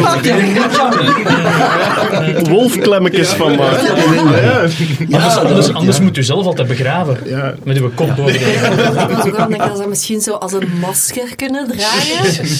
Maar het is dus echt vermomming. Die koppen als een soort vermomming van hier, wij zijn deze. Ja, wij zijn een ander mier. Wij zijn degene die wij opeten. Dus eigenlijk is dat hetzelfde principe als dat be- bepaalde stammen schedels van, van, van overwonnen vijanden gewoon aan de rand van hun territorium gaan op een staak zetten om dan potentiële vijanden Dat is afdreigen, hè? Dat is afdreigen, maar daar komt het eigenlijk op neer. Maar het is eigenlijk, ja, het is eigenlijk niet echt afdreigen, Het het is is, een soort camouflage. hè. Ja, het is een soort camouflage. Maar dus, ze eten alles op, behalve de kop. Zou er ook een reden kunnen zijn waarom dat de kop niet verteerd kan worden? niet of lekker. zo? Eh, de koppen zijn over het algemeen nog wel vrij hard, dus dat koppanzer. Maar in de kop zitten heel belangrijke klieren, de mandibulaire klieren, en die geven alarmpheromonen af. Dus als je een mier, ik heb dat proefje ooit gedaan, dus als je mier zijn kop crusht, geeft hij die alarmstof af. En ik deed dat dus in een nest. Ja, het was eigenlijk per ongeluk. En dan Ja, zie je ja. dus al die, ziet je al die andere werksters in één keer wegtrekken. Zo. Je ziet dat echt zo in een wave weg. Ah, oké. De ethische commissie van de entomologen is echt gewoon een dobbelsteen, denk ik. Ja. Het gewoon niet bestaan. Oké, en dan hadden we nog een insectennieuwsje. Eh, motten hebben blijkbaar een stealth-technologie. Ja, ze hebben de verschillende. Hè. De, de, dus ja, de, de vleermuis jaagt dan op de nachtvlinder. Die eh, stoot een geluid uit. En door, is het door de structuur van de vacht dat Ja. ze het gepiep van de vleermuis proberen te dempen Ja, eigenlijk. het, zijn, het zijn vooral de, eh, de beervlinders, dus dat is, een, dat is een familie, de beervlinders, die dat kunnen doen. En er zijn eigenlijk drie technieken die ze hebben. De eerste techniek is van het moment dat je... eh, dus motten kunnen dus wel degelijk horen. Er zijn veel insecten die kunnen horen. Sprinkhanen bijvoorbeeld, hun oren zitten op hun knieën. Ja. Dat zijn uh, mozaïek, gevolgen van de mozaïek. Ja. Dat die daar, Ja, eh, hebben, ja. Eh, maar dus die motten die kunnen die geluidsgolven van, van, eh, van de vleermuis detecteren. De eerste techniek is, van het moment dat je dat hoort, laat je je gewoon vallen. Valt Dat zie je soms in de zomer, zo. Ja. Motten die in een spiraal naar beneden vallen. zo. Ja, maar dat kan ook zijn als die te kort bij een lamp vliegen en zo even verbranden. Ah, Oké, dat is een Dat andere manier. ook. Dus dat is de eerste techniek, gewoon laten vallen. De tweede techniek is dat de meeste motten zijn vrij dicht behaard. Dat heeft ook te maken met het vasthouden van warmte. Dus Hommels bijvoorbeeld hebben dat ook. En vooral beervlinders zijn redelijk sterk behaard. Ook eh, de schubben van de vleugels. En dat dempt het geluid. Waardoor er geen weerkaatsing is. Dus die, dat, is, dat is een stealth eigenlijk. Klingon warships Ja. stealth eh, mode. Dus die mod is ineens onzichtbaar voor vleermuizen. Ja. Die vleermuizen tegen elkaar. Zeg, slechte akoestiek hier. Oh, we zitten in kutzaal om te spelen. Als die weermuizen met ook... Wat doet dit? Ja, hij Ja, het, tra- het traagt niet. Sorry. Goed. De derde En manier? de derde is dat bepaalde motten eh, een, een, ei- een eigen geluid gaan beginnen maken. En die beginnen die, ra- die sonar te jammen. Hè. Dus Dat is echt, dat is, eh, ja, scramming. Zo, ja, ja oké. Dat is equivalent van iemand die bij een soundcheck in de zaal staat en tsa, tsa Tsa, tsa, check, check. Wie is dat? Ah, oké, ja. Maar dus, eh, ja, dus we hebben motten die eh stealthvliegtuigen zijn. Ja. Je hebt motten die jammers gebruiken. En je hebt er die het Himmelman-manoeuvre uitvoeren en zich laten vallen. Oké, prachtig. Geniaal. We gaan eventjes naar de ruimtevaart, want er staat weer een rovertje op Mars. Hoera! Wie heeft de lancering live gezien Ik eigenlijk? heb stukjes gezien, want we, hadden, me- we hadden mensen op bezoek en ik moest mijn telefoon wegleggen, maar ik heb niet geluisterd. Ja, vooral, vooral die een hele enthousiaste kerel die daar in spanning achter zijn bureau zit te kijken. Zo, ja, en dan springt hij op. Fantastisch. Ik zal u zeggen wie de, wie de landing niet gezien heeft. De mensen die in de afspraak zaten. Ah ja, daar hebben ze de aftelklok gemist. Ja, ja. ik, heb, ik heb hem zelf ook niet gezien. Ik was helaas eh, eh, bezet. Maar ik had wel de indruk dat er eh, minder om te doen was dan bij de Curiosity. Hè? De Curiosity-landing was echt wel groter. Maar daar hadden ze ook die Sky Crane toen. Hè? Dus ja, echt, toen hadden echt een soort ehm, stuk van het ruimtetuig dat ter plaatse bleef hangen door raketten die naar beneden aan het blazen waren. Ter plaatse bleef hangen, een paar meter boven de grond. En met een kraantje het roverke afgezet heeft. En dan is weggevlogen om elders neer te storten. En nu hadden dat niet.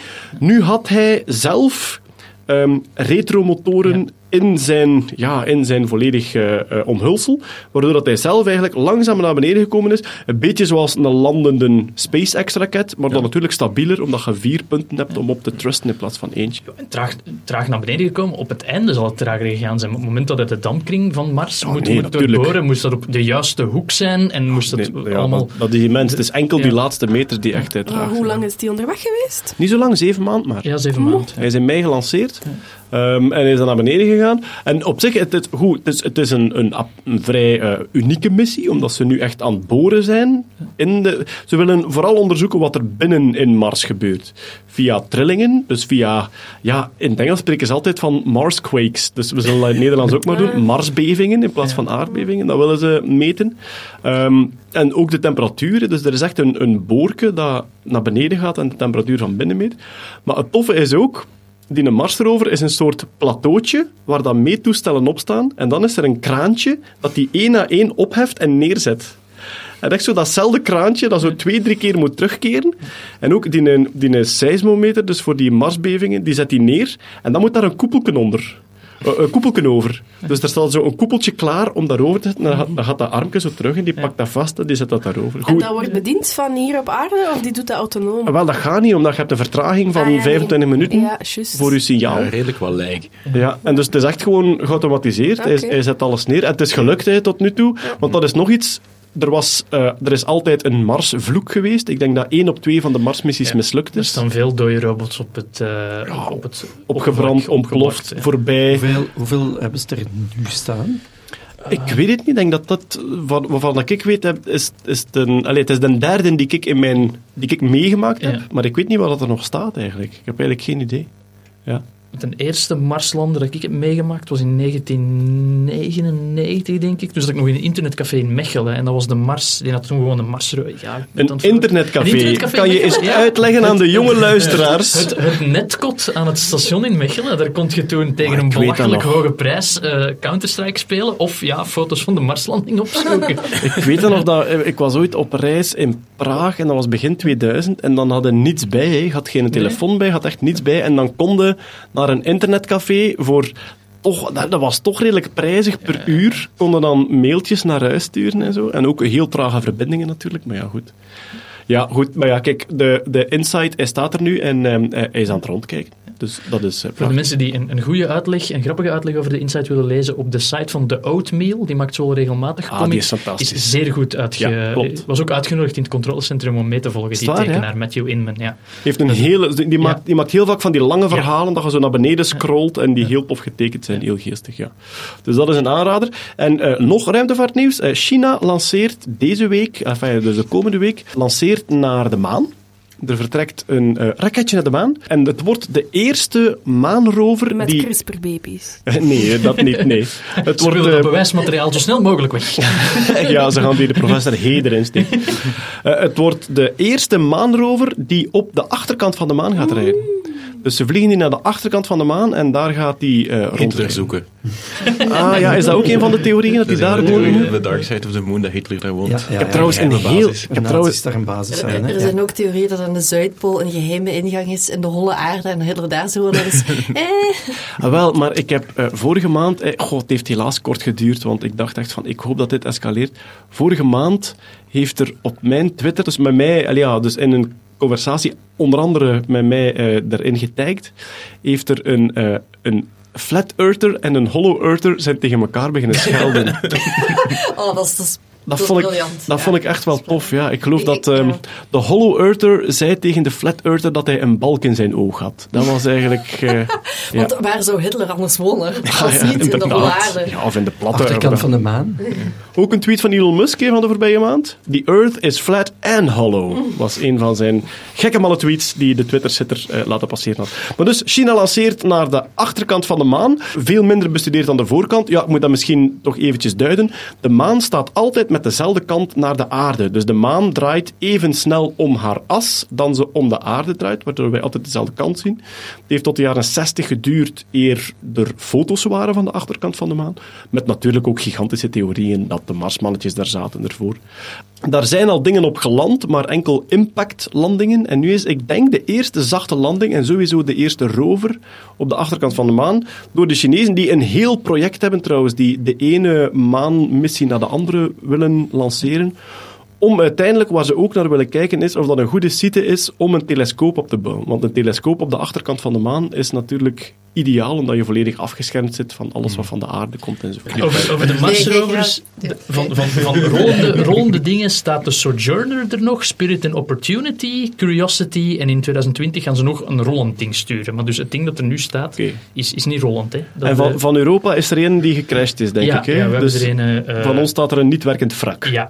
Die, die, die wel onderhevig was aan de, aan de Marsvloek. Eh, goed, een van de problemen als je een rover hebt op de achterkant van de maan is dat je daar geen bereik hebt. Dat is ambetant. De aarde zit niet in line of sight. Ah, ik Ja, dacht dat die robot en- bij Mobile Vikings zat.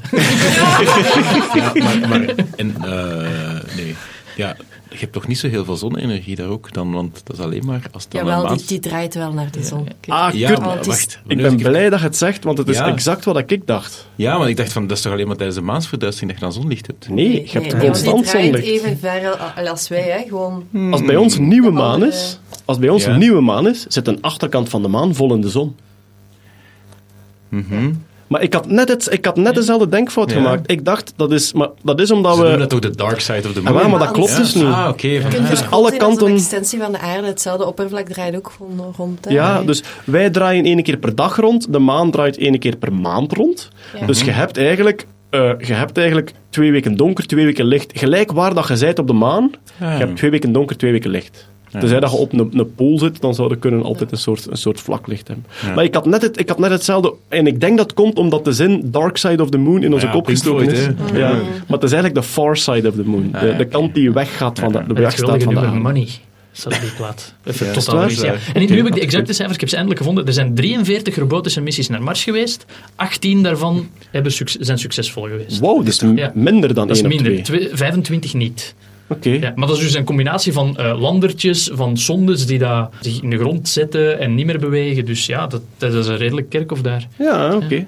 Goed, maar hoe hebben ze het gebrek aan bereik opgelost? Ze hebben een satelliet gestuurd naar het Lagrangepunt 2. De Lagrangepunten, iemand eh, mee? Dat is, ja, dat, ik, vind dat, ik vind dat prachtige space physics. Op elke afstand van de zon is er maar één snelheid waaraan je een stabiele baan hebt. Als je sneller gaat, vlieg je weg. Als je trager gaat, stort je neer op de zon. Dus de baan van eh, Venus, Mercurius, Aarde enzovoort heeft maar één stabiele baan. Je kunt dat omzeilen door de Lagrangepunten, namelijk door als je bijvoorbeeld de aarde en de zon hebt. Als je iets verder gaat dan de aarde van de zon, zou je normaal trager moeten vliegen om in een stabiele baan te zitten. Maar als je exact achter de aarde een beetje verder gaat, mocht je de aantrekkingskracht van de aarde bij de zon tellen. Waardoor dat daar plotseling een punt ontstaat waarop dat je toch even snel één keer rond de zon bent. En zo heb je er verschillende. Je hebt er eh, eentje achter de aarde, je hebt er eentje tussen de aarde en de zon. Je hebt er dan nog eentje op 60 graden links en rechts op de baan. Goed, het is te complex om in de podcast uit te leggen. Achter de zon. Ja, Ja, klopt, ja. Wikipedia. Maar dus ik denk dat, ja, als je het, als je het wilt doorgronden, denk gewoon kijken op Lagrangepunten op Wikipedia. Ik vind het hele mooie space mechanics. En dus het systeem aarde-maan heeft ook zo'n Lagrangepunt dat iets verder ligt dan de maan. En ehm, in de Lagrangepunt, die satelliet gaat daar niet hangen, maar die gaat in een baan rond het Lagrangepunt, gaat die ronddraaien, waardoor dat die constant de achterkant van de maan in zicht heeft, maar ook nog over de maan, over het Ik nu- randje ik tot moet op de echt aarde. denken kan aan zo die Efteling-attractie van die dansende theekopjes. Van zo één draaiende schijf met dan daarop een Ja. draaiende dinges, met dan Ja. daarop draaiende dinges. Voilà. En de eerste missie naar een Moon Moon, Ja. die zelfs Ik zie jullie daar als vader kotsend op zitten. We zitten in een Lagrangepunt, kinderen. Maar de lancering is op 8 december. Ik doe mijn uiterste best om deze podcast online te krijgen voor 8 december. En ik heb op, al... eh, uit de montage op 23 december. Kerstfeest. Maar ik heb al gevraagd aan eh Frederike, aan, aan, aan mijn neef, heb ik al gevraagd van ehm, livestreams dat ook in China. En de nationale tv-zender in China heet CCTV. Dus wat dezelfde naam is van de bewakingscamera's in het Engels, CCTV. Maar dus eh, ik denk eh, eh, China Central Television. En dus als je opzoekt op CCTV, dan komt het wel tegen ergens. Ehm, en daar staan, ze hebben ook een Engelse website en daar staat ook een button livestream. En dus ik hoop op 8 december dat ze hem ook live uitzenden. En ja, het is naar de maan, dus dat gaat maar een paar dagen duren, denk ik, eer dat hij landt. Goed, ik zou het wel tof vinden, we hebben nu die, die Marslanding gehad. Ik zou het wel tof vinden dat we zo de Chinese tegenhanger van de ruimtevaart ook een keer live kunnen Als, als we die button met livestream vinden. Ja. Dat is zonder voorwaarde. Goed, dus dat was het eh, ruimtevaartnieuws. Hopelijk kunnen we dan naar een eh, Chinese maanlancering en maanlanding kijken. Maar het wordt toch dringend tijd om naar misschien wel het meest indrukwekkende nieuws van deze maand te gaan. Ja, Dat is uit de weg Marslanding. ja, na, na de CRISPR-baby's en de Marslanding is het tijd voor echte wetenschappelijke inhoud. Ja. Want Jeroen Baart, uw favoriete dier, uw, de, de favoriete keutel van uw favoriete dier, daar is eindelijk iets van ontdekt. Het gaat over de wombat. De wombat. en de keutel van de wombat is... Een kubusje. Dat is, Dat is op zich al gewoon wonderlijk. om even bij te gaan zitten. Een, een, dier dat, een dier dat dobbelsteentjes kakt. Voor de mensen die de wombat niet kennen, eh, zoek hem meteen op. Ze hebben er een in Plankenaal, een wombat, maar die is een beetje grumpy en die komt niet zo vaak buiten. Het is een, groot, een soort grote Groot- Norse cavia. Groot, ja, grote Norse cavia, zeer zwaar ook. Ehm, als je een aanrijding hebt in Australië met een wombat, wint de wombat soms. Omdat dat echt wel vrij logge beesten kunnen zijn. Druk eens Allee. uit in centimeters, want het idee dat ik Druk eens uit in centimeters. Ehm, die kunnen vrij groot worden. Eh, de, de, de kak is 2 centimeter. Dat weet hij, dat weet hij, ja. Het dier zelf, Het minder dier zelf boeiend. is, is redelijk groot. Maar dus de wombat die, die, die heeft eh, kubusvormige keutels. En ze weten waarom dat die kubusvormige keut- keutels heeft. Namelijk, een kubusje, dat rolt niet weg. En een wombat leeft vooral eh, op plekken waar dat er lichte hellingen kunnen ontstaan, dit en dat. En die gebruikt die keutels om zijn nest af te bakenen. En om de weg terug naar huis te vinden. zo een Ah. Eskimo-achtig iets. Ja, ja, zo bouwblokjes. Ja, ja, nee, hij bouwt er niks mee. Hij laat die Ah. gewoon achter. En aangezien dat die kubusjes... Dat, dat zijn kubusjes, dus die rollen niet weg. De wombat ziet ook heel slecht. Dus die snuffelt gewoon... Maar ik moet het niet nadoen hoe dat je een kubusvormige kak snuffelt. Hè. Zo. Maar dus, we hebben, dan, we hebben een diertje en dat heeft een nestje. Ja. En dan rond zijn nestje legt het allemaal kubusjes om te tonen, dit is hier Dit van is mij. mijn nestje. Oké, Ja. schattig. En stapelt hij ze ook op elkaar? Ze stapelen die niet op elkaar. Dat is Nee. jammer. Ze kunnen één meter lang worden. De keutels of de wombat? De wombat. Ja, ja, dat is wombat, ja, ja. Een wombat met een, een niet functionerende endeldarm kan misschien zo wat ik me zo- afvraag, het eerste wat ik mij afvraag is, heeft die wombat een vierkante anus? Want Nee, hij dat? nee, dat zou ik als wetenschapper ook meteen doen. Zo Play-Doh gewijs kijken naar het, het, het gaatje. Ja. Zijn gaatje is gewoon een sphincter. Zoals je je zou voorstellen. Een sphincter? Een sphincter. Dankjewel daarvoor. Een kringspier. Een kringspier. Een sphincter, Hoe ja, doe je dat het is dan, goed. Jeroen? Hoe doet hij het dan wel? Dat hebben mensen van de universiteit. Ik zal even opzoeken. Eerst eens Maar- hoe ze, het, hoe ze het hebben gedaan. ga ik- hoe ze het dat ga hebben ik maar, meteen dus dat is, eh, voor de duidelijkheid, dat is de ontdekking van de voorbije maand. Ze weten eindelijk hoe het lichaam van de wombat kubusjes maakt. Van de kakadoodles. Patricia Yang, onthoud die naam, want die gaat nog, die gaat nog potten breken. Vergeet, vergeet professor Hey. Inderdaad. Patricia Yang gaat de geschiedenisboeken Me- in. mechanische ingenieur in het Georgia Institute of Technology. Dus Mechanisch dan nog? Mechanisch Ja, nog, ja, inderdaad. ja. Ehm, zij is een expert in de hydrodynamische effecten van eh, lichaamsappen. Ja, lichaamsappen noemen we dat. Ehm, en ze hebben dus, eh, ze dachten altijd, zo'n bombad, die keuteltjes, die worden gemaakt helemaal aan het begin van de endeldarm. En die kubetjes, die travelen dan gewoon het laatste stuk van de endeldarm zo door het lichaam. Maar wat blijkt, ze hebben, spijtig genoeg, in een dode wombat, eh, heeft Peter opgezocht, het had grappiger geweest, was het in een levende geweest, hebben ze een soort van ballon opgeblazen. Stel je zo'n lange ballon voor, die je gebruikt om zo'n hondje uit te, te vouwen. Ah, ja, ja. Dus dat hebben ze opgeblazen in die wombat. Spijtig genoeg, een wombat die was aangereden, eh, die had het niet gehaald van de auto. Hebben ze opgeblazen in die wombat zijn endeldarm. En dan met behulp van die ballon de druk gemeten op verschillende plaatsen in die endeldarm. Bij ons als mensen, wij maken, maken mooie, eh laten we zeggen, kleine bruine duikbootjes. Speak for yourself, Jeroen Baart. Hangt er vanaf de schaal van Bristol, moet je Heel Ja, veel. ja, dat is inderdaad. Dus normaal maken wij een type 3. Grappig allemaal, ja, ja. ja. Normaal maken wij type 3, type 4 kakjes, eh, gewoon bruin van kleur, duikbootjes, alles in orde. En dat komt omdat onze kringspier, allee, omdat de spieren van onze endeldarm eigenlijk overal dezelfde druk uitoefenen. Dus langzaam maar zeker, als je op iets knijpt en je knijpt overal hetzelfde, wordt dat een soort van lange tube. Een egalitair Een systeem. egalitair Ja. systeem. Nu, in de wombat-endeldarm zitten er, als je zo een kring in zo'n endeldarm eruit zou snijden, op bepaalde plekken duwt die harder dan op andere plekken. Waardoor dat afwisselend de, de linker- en rechterzijde van de kubus en de boven- en onderzijde van de kubus worden aangeduwd. Waardoor je dus een soort van kubusje krijgt. Hij kneedt. Hij kneedt eigenlijk. Hij- Hij maakt pakketjes met zijn endeldarm. Maar dus zelfs bij een dode wombat kunnen ze nog de druk meten van de endeldarm. Ja, klopt. Omdat die bepaalde plekken harder spant dan... dan, dan Omdat er sowieso meer spierweefsel Ja, zit. Klopt. Dus eigenlijk is dat zo'n beetje gelijk als je zo een Colgate-tube uitduwt, dat er zo vier lijntjes in zitten. Daar zitten dan zo vier spierenbundels. Die iets sterker eh, knijpen, ja. Oké. Dan de poetsen gaat nooit meer hetzelfde zijn. Nee, inderdaad. Dat zou een fantastische merknaam zijn ook voor tandpasta. Wombat.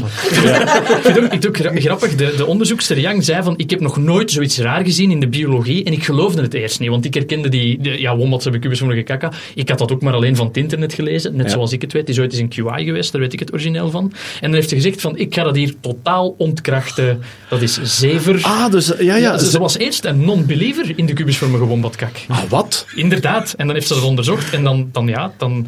Het pleit voor haar, hè, Ja. dat is haar standpunt veranderd. Want hè. kubussen Ja, zijn eigenlijk redelijk raar court in de, in de natuur. Je hebt, je hebt bepaalde, als je bepaalde gesteenten onder de microscoop bekijkt, dan zie je ook dat die zo'n soort van kubusvormige kristalstructuur hebben. Ja. Maar kubussen op zich zijn niet echt een natuurlijke vorm. Meestal hebben we zo'n soort van gouden ratio, spiraalachtige, fancy, Trouwens, fancy gouden- snap Goud- niet echt hoe je believer of non-believer kunt zijn als je gewoon een bombad voor je kunt zetten. Maar hoe vaak kun je een een voor uit zetten? Hoe vaak kun je een is. wombat voor u zetten? Dat is je dat? dat is een nest. Dierentuin of zo. Ja, naar de dierentuin. Ik heb letterlijk in Plankenaal, in het wombat-ding, heb ik er... Ik dacht van, ik ga hier eens... Ik had al een hele tijd aan het vertellen geweest. Er zijn twee dingen waar ik in Plankenaal naartoe ga. Dat is de wombat en de stokstaartjes, om totaal verschillende redenen. Zwat.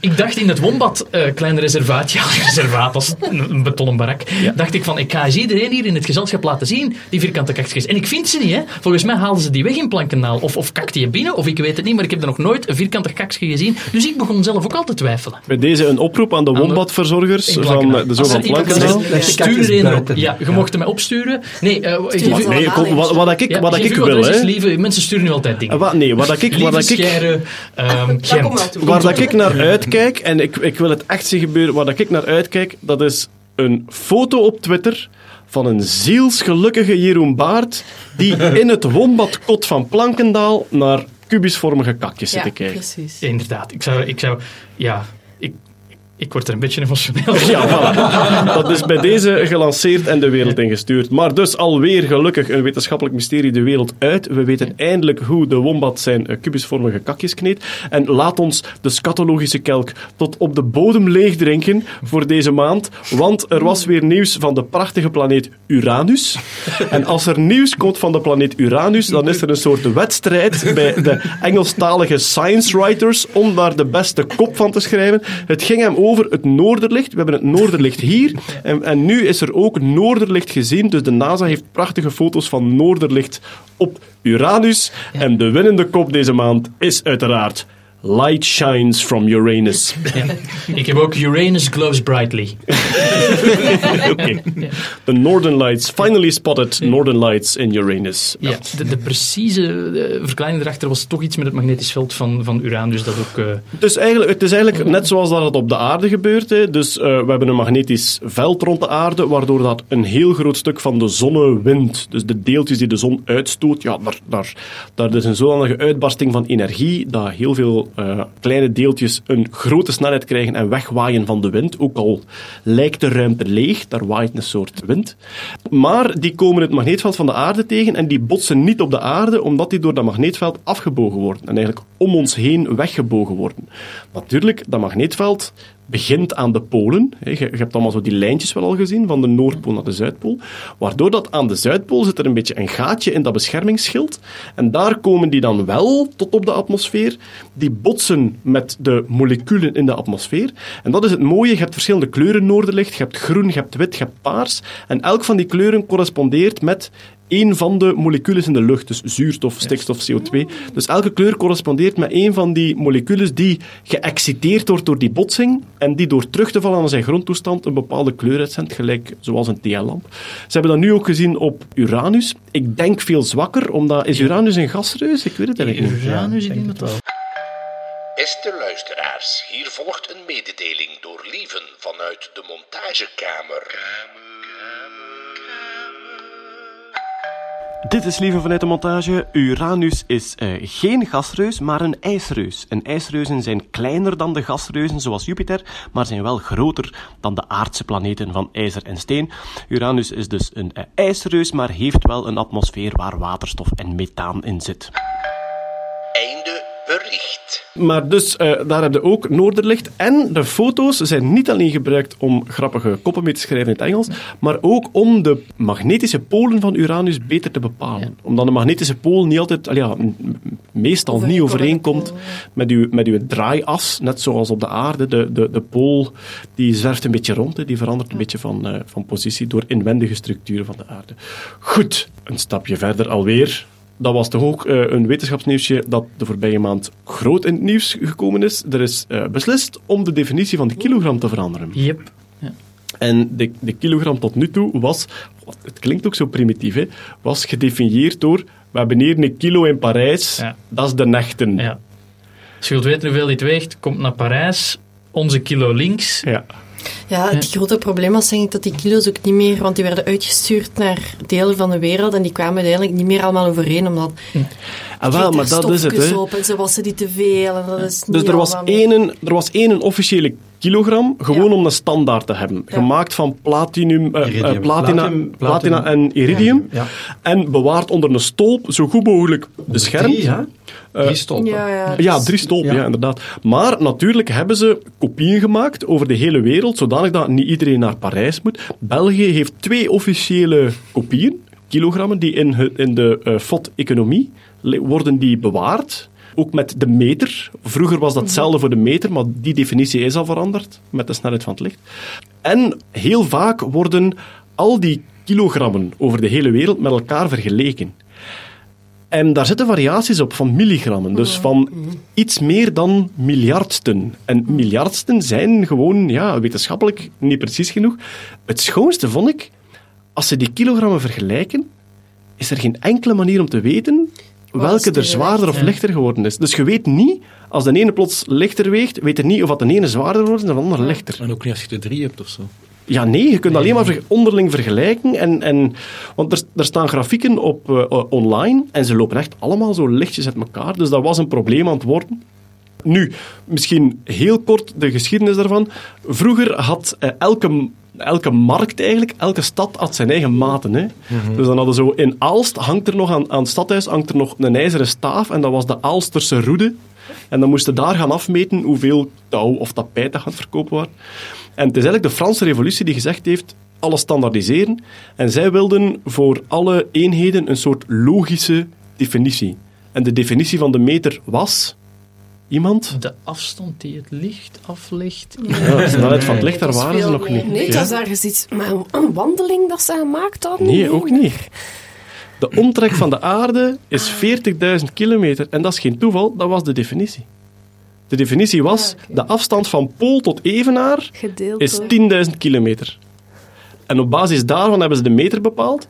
En er is een expeditie geweest van eh, de Pannen naar Barcelona, Ja, met landmeters, die dus van de Pannen naar Barcelona echt gemeten hebben op kerktorens, om zo Slechtste vrijgezellenweekend. ja, om zo de lengte te bepalen van die meridiaan. En op basis daarvan hebben ze een meter gemaakt. En dan hebben ze in Parijs dus een metalen meter gelegd en gezegd van kijk, dat is hem nu. En dus goed, dan hadden ze die meter. En toen hebben ze gezegd, 1000 kilogram is 1 kubieke meter zuiver water. Dus dat was eigenlijk de definitie van de kilo. Om een duur, maar ja, om een duur hebben ze ook gemerkt van die afstand van pool tot evenaar, die varieert. De aarde is niet perfect rond, daar zit allemaal dat wat wibbly wobbly. Dus goed, dan hebben ze dan maar gezegd van goed, we leggen in Parijs die een meter vanaf, nu is dat de definitie. Die een kilogram, ja, zuiver water, dan zagen ze van het hangt af van de temperatuur. Wat bedoelen we met zuiver water? Want zuivere H2O, dat vinden toch nergens, daar zitten altijd andere dingen in. Goed, dan hebben ze ook gezegd, nu pakken we die een platina kilo. De definitie van de meter hebben ze dan toch veranderd naar iets op basis van de snelheid van het licht. ja. Omdat je dan in elk laboratorium opnieuw je meter kunt bepalen zonder dat je naar Parijs zou moeten. En nu willen ze hetzelfde doen voor de kilogram. Het is nu goedgekeurd. Er was al lang sprake van, maar ze kregen hun, ze kregen hun definities... Oh ja, definities wel, maar ze kregen de constante waarop dat ze zich baseren niet goed genoeg. En goed, ik ga nu even kijken of dat ik dat nu eh, in het kort kan uitleggen. Je hebt de constante van Planck en die bepaalt welke energie dat een foton heeft bij een bepaalde golflengte. Oké. Da- da- daarvan vertrekken we. Parkeer uw auto even, jongens. Ja, ja, voilà. Dus, dus want dat is het hè. alles hangt aan elkaar. Hè. Een, keer dat je, een keer dat je een meter en een seconde gedefinieerd hebt, is je snelheid ook gedefinieerd en allerlei andere dingen.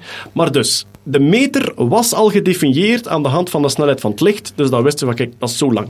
De seconde was ook al gedefinieerd aan de hand van de frequentie, dus de, de, het, het aantal trillingen per seconde, dat een cesiumatoom uitzendt bij een bepaalde overgang tussen twee energieniveaus. en dat zijn die cesiumklokken. Inderdaad, ja, atoomklok.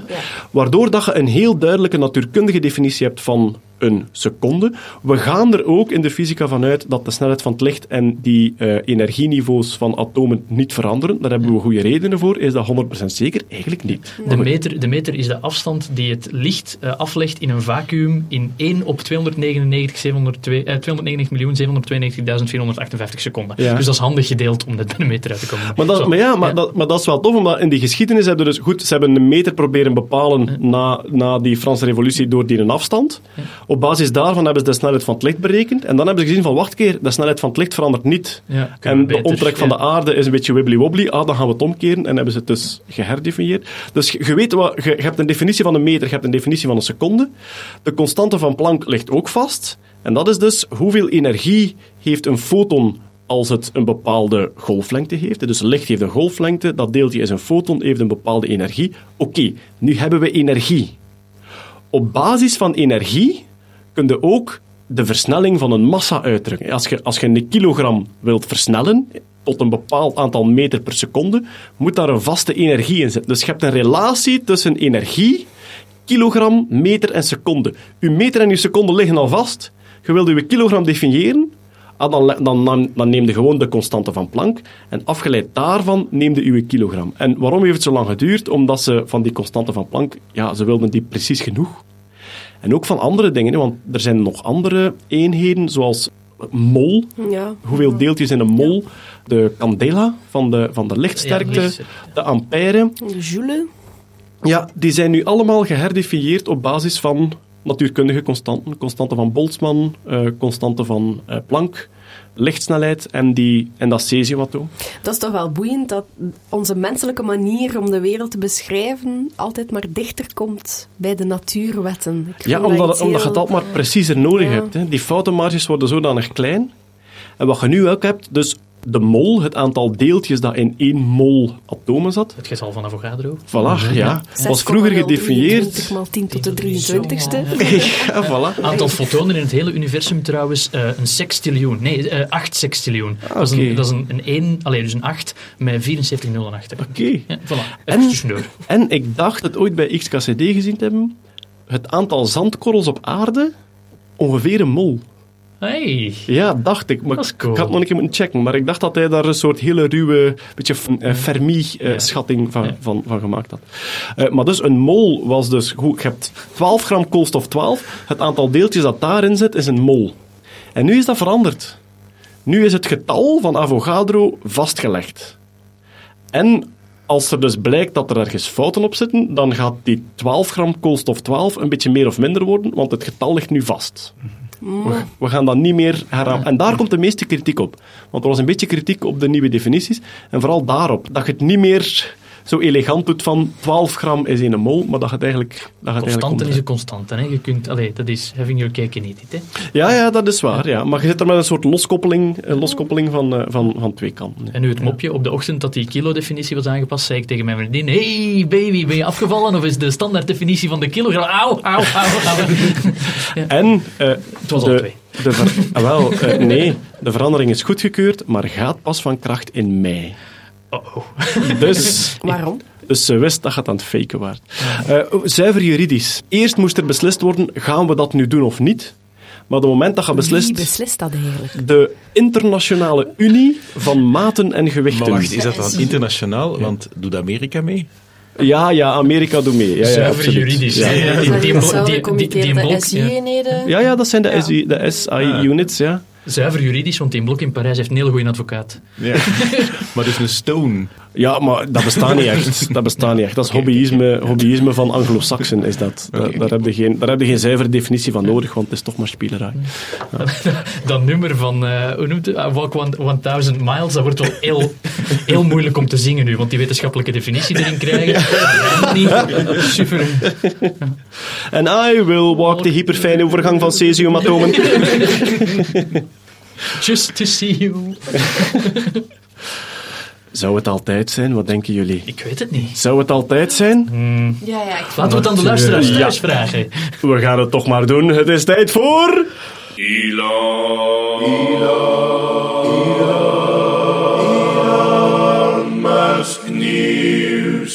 Goed, Musknieuws en de andere gorillas, want de andere bedrijven en eh, andere Silicon Valley hoofdrolspelers hebben zich ook wel geroerd de voorbije maand. Laten we beginnen bij Tesla. Nieuwe CEO, dat is ook van de voorbije maand. Hè? Dus hij is zelf, na al zijn eh, strapatsen en moeilijkheden, eh, heeft hij Tesla afgestaan. Ik denk voor een groot stuk symbolisch, want Ja. hij is daar nog zeer... Voor het gezicht ja, natuurlijk. voilà. Aan Robin Delholm. Een vrouw. Inderdaad, ja, maar eerste, kent, eh, kent iemand haar of waar ze vandaan komt? Zij is blijkbaar een Australische. Ehm, zij was vroeger de financiële chef van Telstra. Ik denk een soort van... En omdat dat genoeg op Tesla leek, dachten ze... Letterlijk niet ver in zijn telefoonboek gezocht. zo die, Ja. die businesskaartjes zijn gemakkelijk aangepast. Ja. Telstra. Ja, effectief. Ja. ja, nee, je moet de S en de L van plaats verwisselen. Dat is dan betaald. Ja, is wat. Met een beetje knip- en plakwerk kom je er wel. Hij, had, was zeer openhartig en emotioneel geweest over de productieproblemen van de Model 3, die opgelost geraakt zijn. Hè, want dus ze zijn min of meer out of the woods nu. Hè, het zware weer is voorbij.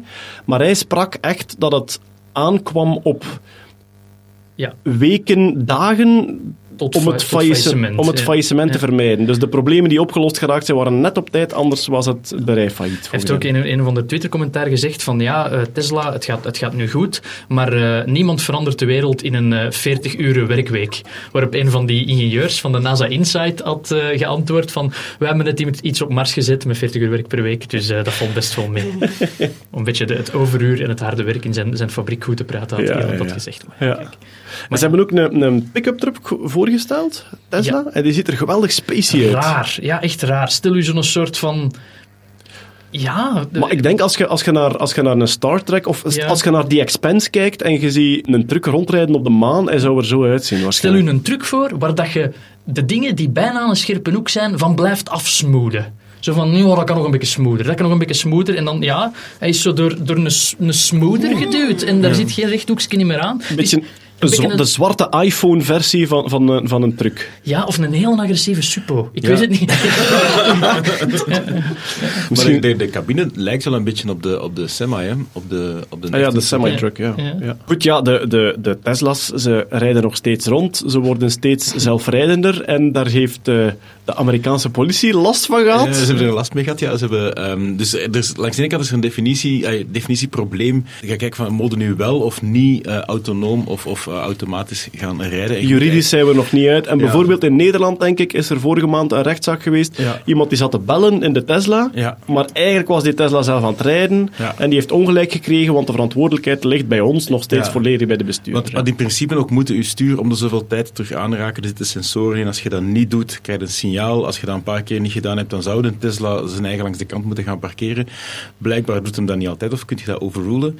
Ehm, en dus in Amerika was er ene die eh, zat achter het stuur zat. En de Tesla was gewoon op autopiloot aan het rijden. En de politie heeft het proberen aan de kant te zetten. Die man was in Tesla- slaap- die man was in slaap Ja, gevallen, was in ja. slaap gevallen. Maar die Tesla kon dat niet. Is Die reageerde niet, ja. Er is nog geen procedure om op zwaailichten aan de kant te gaan staan. Dus ze hebben dan zo manoeuvres gedaan om met ervoor te gaan hangen. En dan uiteraard hebben ze hem wel. Ah ja, inderdaad. Ja. Want zo, als een Tesla op een bepaalde snelheid staat en Ja. je gaat daarvoor trager rijden, dan haalt hij je gewoon in. Ja. Ja, Er heeft een, een politieagent een, een S-manoeuvre moeten uitvoeren op de, de, de snelweg. Ze hebben een stukje snelweg moeten afzetten om dan een soort van politieballet te doen voor die, voor die Tesla, om die, op, om die te doen stoppen. Want ja, Om, om, een, om, een, om een zatte, slapende juppie uit zijn zelfrijdende auto te kunnen plukken. Oké, prachtig. En, ja. en voor wat wordt hij dan eigenlijk... Allee, ja. Ja, want is Ja, dat dan omdat je niet heeft je mag niet zat achter het stuur zitten. Hè. Maar het mag nog niet, hè. Je moet ook niet slapen. Dat je controle nog altijd. Je moet ook niet slapen in een zelfrijdende Ja, auto. maar dat is wat, wat zou dan zo de prioriteit zijn? Zou het zijn zo van, hij laat zijn handen los van het stuur en hij slaapt, of hij heeft gedronken? Ik denk dat ze er een mooi pakketje van gaan maken. Dat denk ik.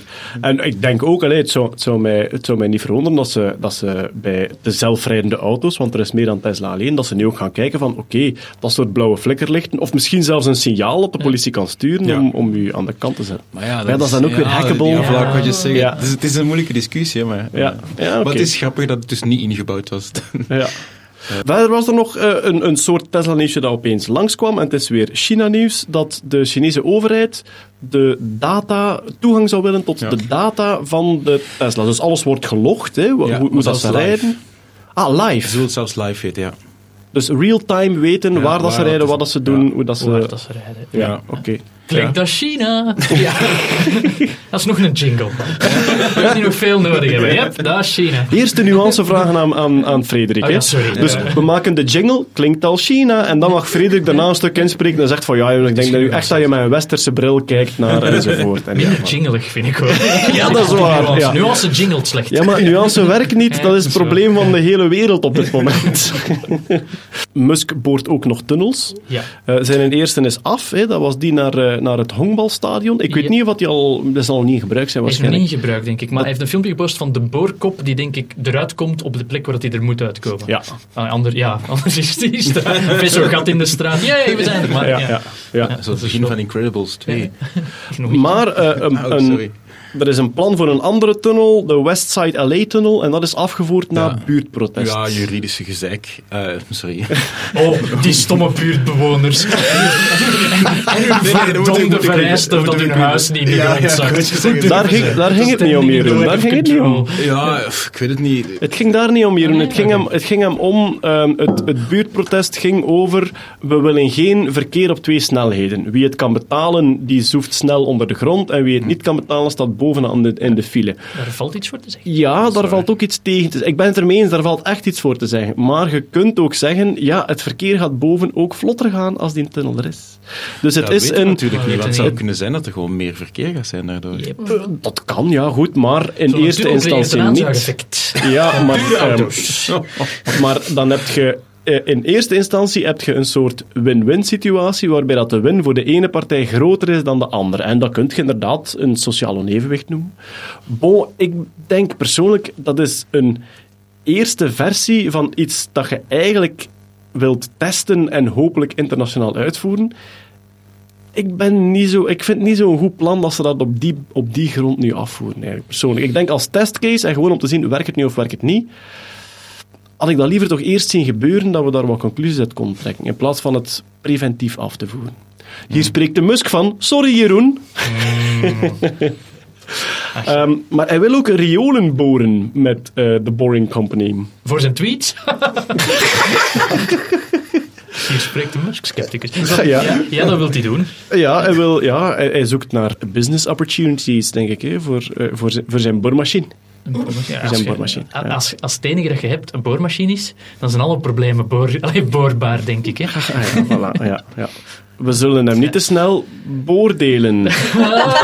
Hij, is ook, hij is ook in de problemen gekomen met NASA, omwille van... Hij heeft een paar eh, maanden geleden in een of andere podcast een, een, eh, van de foute sigaret een trek genomen. Een Eh, jointje maar- gepaft, Een jointje ja. gepaft. En aangezien hij deels ook voor NASA werkt met SpaceX, Ja. en NASA nogal strikt richtlijnen heeft over eh, jointje paf in het publiek van mensen die met NASA geallieerd zijn, is er een klein onderzoekje geweest. En NASA heeft in een, een bericht gezegd, eh, Elon Musk zal geen jointjes meer roken in de publieke sfeer. Punt.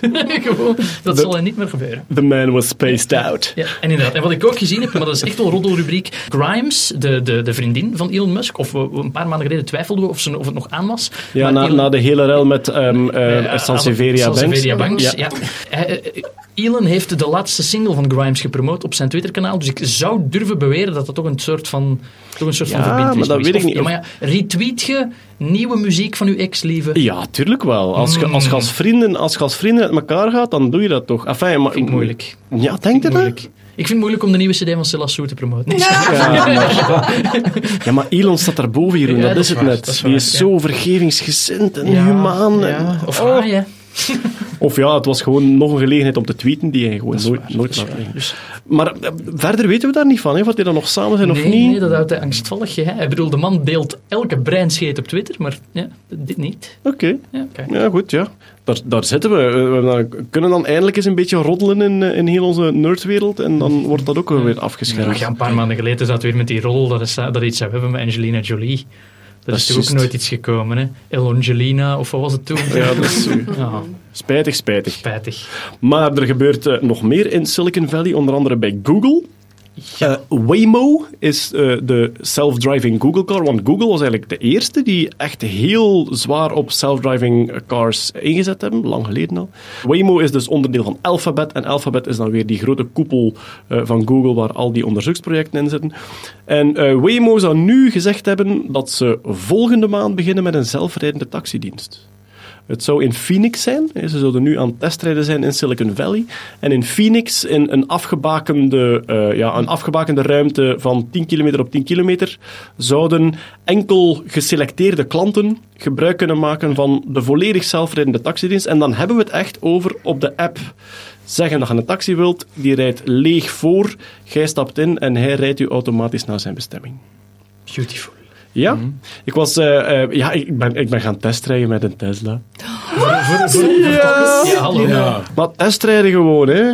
Ah, Oké. Oh ja, maar ik denk, je kunt, je kunt wel een testrit aanvragen. En in welke context zet je aan het testrijden? Is het in de context van een aankoop? Of in de Eh, wel, nee, ik was, ik was op Supernova, hè, zo het grote technologiefestival in Antwerpen. En er stond een Tesla-stand voor ons deur. En die verkoper zei van, zeg, kom eens testrijden. En ik dacht, ja meneer, met de auto. En eh, ja, dus... Mijn, In Antwerpen, aan de kaai daar. Dus twee, twee meter op de ring en dan stilgestaan met. Ja, nee, maar ik heb daar geen testrit gedaan. Ik ben dan gewoon naar de garage geweest en heb daar een ingeplande testrit gedaan. Hij, hij heeft zelfs eventjes op ludicrous mode gestaan, wat dat echt wel zottekes is. Goed, ik kan dat niet betalen, hè, dus ik heb er gewoon van genoten, een half uur. Die was ook aan het vertellen van ja, er, er is nu een soort eh, toekomstvisie, een soort businessplan. Dat ze zeggen van oké, als we er dan in slagen om binnen een paar jaar die full self-driving mode van uw Tesla geactiveerd te krijgen, dan is hun plan dat je als je uw auto niet gebruikt, dat die voor u geld verdient als Uber. Dus u- je, je financiert uw zelfrijdende auto voor een stuk door die te laten... Die doet eigenlijk vakantiejob. Ik vind het een beetje pooierschap, hè. Je stuurt, je stuurt je auto s'avonds de straat op. Kwestie, hoe komt hij terug? je thuis zijn, hè? Ja. De Chinezen weten waar dat je zit. Wat is er hier gebeurd in die auto? Godverdomme. Ja, wel, maar ja, Dat is een probleem. Ja. dat brengt ons bij een ander sociologische publicatie, ook van de voorbije maand. Een socioloog die aan het speculeren was van als de zelfrijdende auto ontstaat, wat doet dat voor bordelen? Je hebt dat toch niet meer nodig. En, eh, Wacht, en die ook aan het speculeren was... is anders dan een vrouw, lieve. Eh, ja, nee, nee, nee, maar die Voor mensen die auto's neuken, denk ik dat... Nee, die was aan het speculeren over, gaat er niet veel meer gevogeld worden in zelfrijdende auto's? Een keer dat die dingen alles vanzelf... Allee, je zit daar met je twee, je komt terug van op restaurant, je hebt iets gedronken, het is drie kwartier rijden, je denkt bij Dat is wij, toch we zijn hier nu totaal niet toch... comfortabel. Ik, weet, ik weet dat niet, want ik doe dat soort dingen niet. Je komt daar niet, maar je komt voor En ook, het is een automatiek, dus je hebt geen versnellingspook. Dus dat lijkt me dan ook...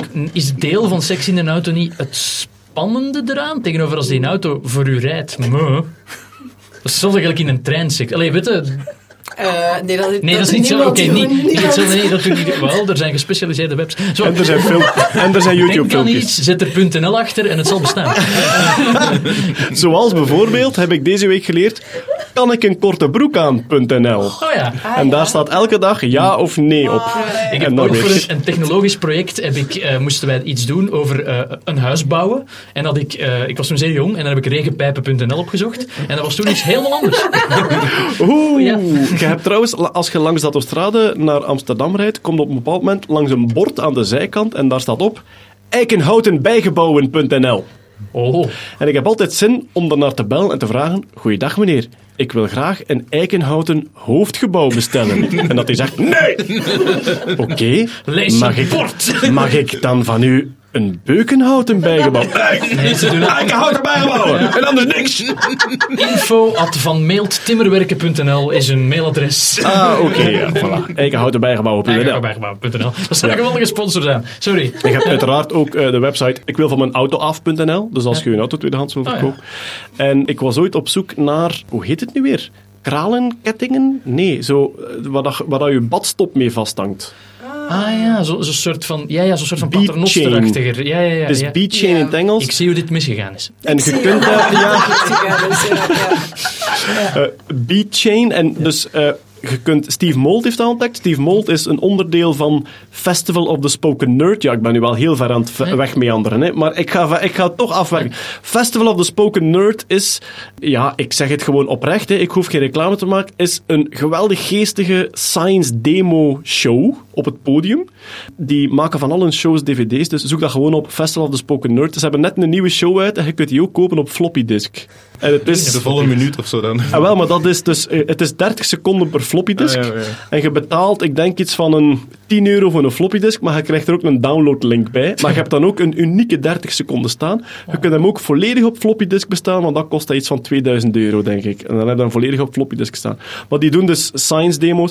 Steve Mold is een fysicus en die heeft zelf ontdekt, als je zo een badketting, we hebben nooit in Scheirende Scheppen gedaan, als je zo een Uit een badketting zo, met die bolletjes, als je dat uit een beker Ja. gooit, dat dat zo in een boog in een boog. omhoog gaat. Die heeft dat ontdekt. Dat heet nu ook officieel de Mold-effect.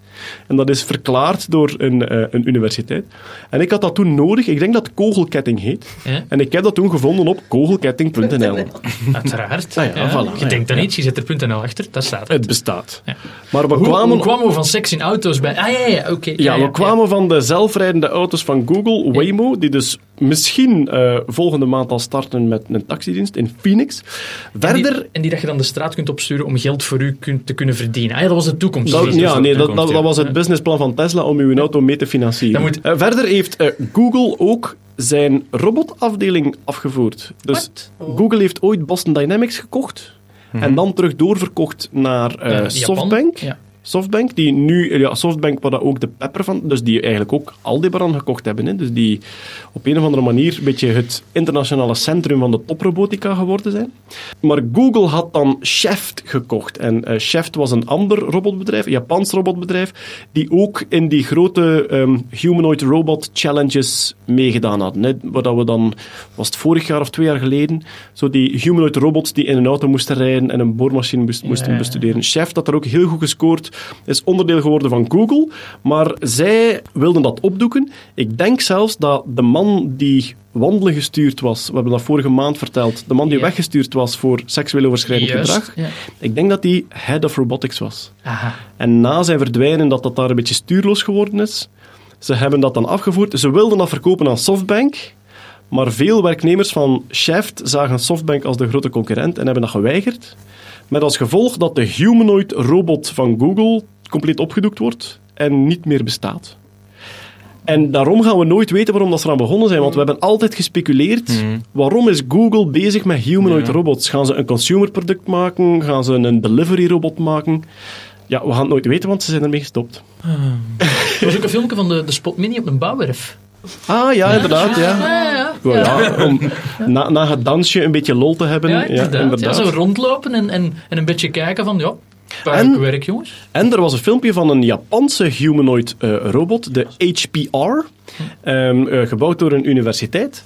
En die was gyprok, een het bouwen. Heel, heel traag. Ja, dat hebben we altijd bij robots, ook bij de opruimrobots ook. Maar toch, bedoel, alweer, laat hem s'nachts werken. Hè. Stel je voor, je hebt u, je hebt u een bouwwerf. zijn voor de buren.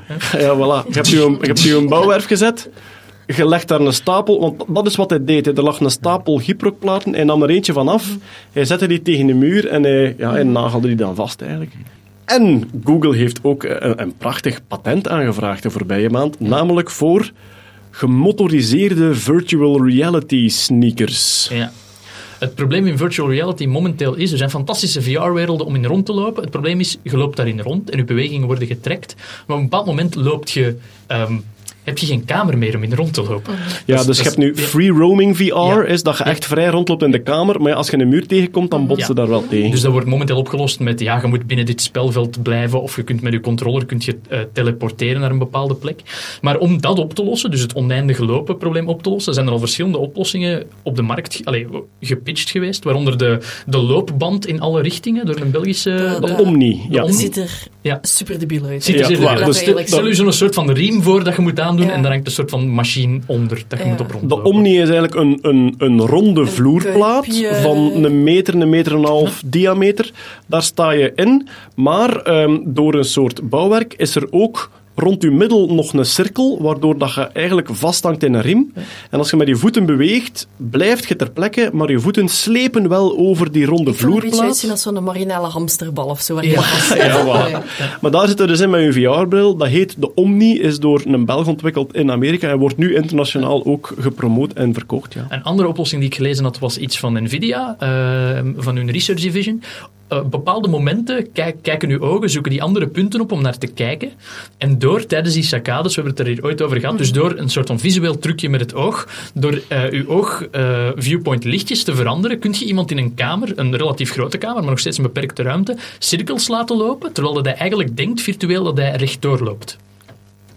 Dat is wel cool. Dat is enorm cool en dat is, dat is puur een, een, een, een, ja, een, een- een, een visuele oplossing. Ja. Nu, het derde systeem, en dat is een Google patent, dus ja, het is een patent, we weten nooit of dat effectief gaat gemaakt worden, Ja, ja. is ja, ergens een kinderlijke oplossing eigenlijk van, als de vloer niet beweegt, dan be- zetten we eh, ja, ro- rolletjes op onze schoenen. Wieltjes onder de schoenen die meerijden schoenen met die beweging. Mijn, zoon heeft het al. Ja, ja, er is- ja, veel commentaar opgekomen, want ja, puur dat moment dat je op je voeten zit, je gaat dat voelen. Hè. Dus ik Mhm. denk, als ze dat willen doen werken, gaat het nog altijd een relatief groot oppervlakte moeten zijn. En gaat de, ehm, denk ik, heel traag met die wielen heel draaien. Nee. Maar die wieltjes zijn actief, toch? Hè? Die, zijn niet, zijn actief. Die zijn niet zuiver passief, dat gelijk Nee. een heli is, is zijn passieve ja. wieltjes, Nee. maar die zijn actief, die rollen zelf om u op uw plek te houden, Ja, om terwijl je op je je plek te houden. Om eigenlijk de beweging die je doet Eigenlijk- tegen te doen. Eigenlijk zit er gewoon constant, innerlijkes. eigenlijk zit er gewoon constant aan het moonwalken. Eigenlijk wel, ja. Ja, ja, ja, cool. ter plaatse aan Maar het het moonwalk. Maar het is dus een patent, we weten nooit. Ik bedoel, mensen vragen patenten aan voor alles. Hè. Ja. Het is dat.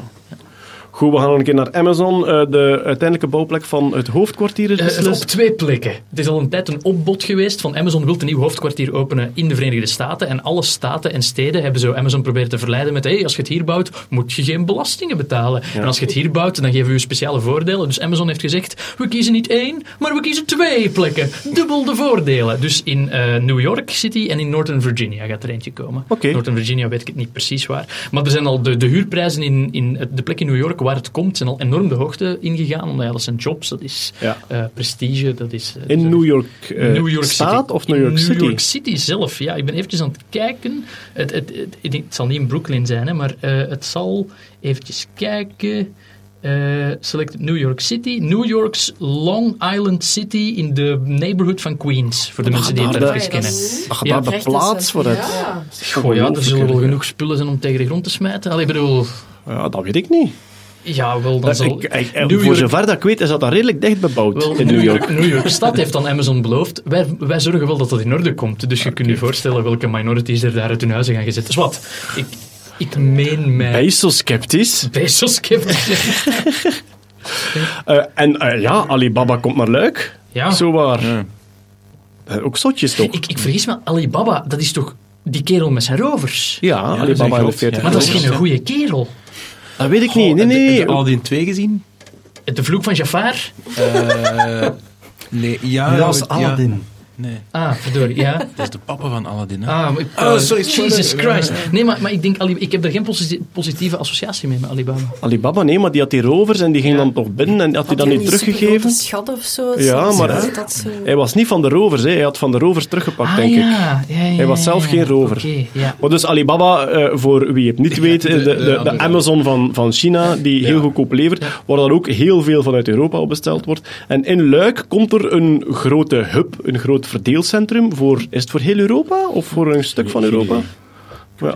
Ik vraag me altijd af hoe dat die dingen zo schandalig goed... Ik, ik voel me altijd slecht als ik iets van Alibaba bestel, want ik had in de week zo een of ander superspecifiek USB-tussenstukje nodig. Ja. En op een Europese winkel betaalt je daar 25 euro voor en op Alibaba koopte er 10 voor 1 dollar. Ja. Maar dan denk ik altijd van, is dat puur de wet van de vrije markt dat dat daar zo Dat is- goedkoop komt? Of, of hangt hier... ja, of, ja of, of hangt hier kinderbloed aan? Of ik, ik weet het niet. Sowieso. Maar, maar ja, Chi- China is een spotgoedkope manufacturer. Ja. Dat is omdat arbeid daar natuurlijk heel goedkoop is. Hè? Ja, dus dat zal niet allemaal kosher zijn. Maar ja, als je daar... Je hebt, je hebt daar een, een, een Indische schrijver die dat, ik denk met een soort naïef optimisme beschrijft als de flat earth. Alles is zodanig met elkaar verbonden dat de prijzen, dus dat de concurrentie van de prijzen zich gaat egaliseren over de hele wereld. Vroeger was er geen enkele manier om de prijzen op een markt in China te vergelijken met de prijzen hier, want om je appels naar hier te krijgen was onmogelijk. En dus dat is begonnen met informatica. Je hebt zo Infosys in India, die, de, die gewoon een gigant, die bijna een dorp gebouwd hebben, waar dat ze de back-office doen van heel veel westerse bedrijven. Dan zeiden we, ja, waarom zou jij de, bijvoorbeeld, hè, belt naar uw internetprovider en je zegt, ik heb een technieker nodig om hier iets te komen aanpassen. Het inplannen van die afspraak gebeurt in India. hè. Ja, ja, Ah ja, dus die, die krijgen al die informatie van die technieker gaat die ronde doen, die kijken op een kaart. Ook heel veel telefoonlijnen. Ik ben, er, ben er op bezoek geweest met India voor Beginners, het Canvas-programma. Heel veel telefoonlijnen, dus hulplijnen die gewoon rechtstreeks daaruit komen, vooral dan ehm eh, Engelstalige. En daar zit dan personeel, die zijn Engelstalig, eh, die hebben dus een... Engelstalig Ja, ja. tussen. Ja, ja, Die nee, maar... Shankar, maar die krijgen dan zeggen, neem op met Dave. Ja, maar Ja. ook niet alleen dat, die krijgen ook accenttraining.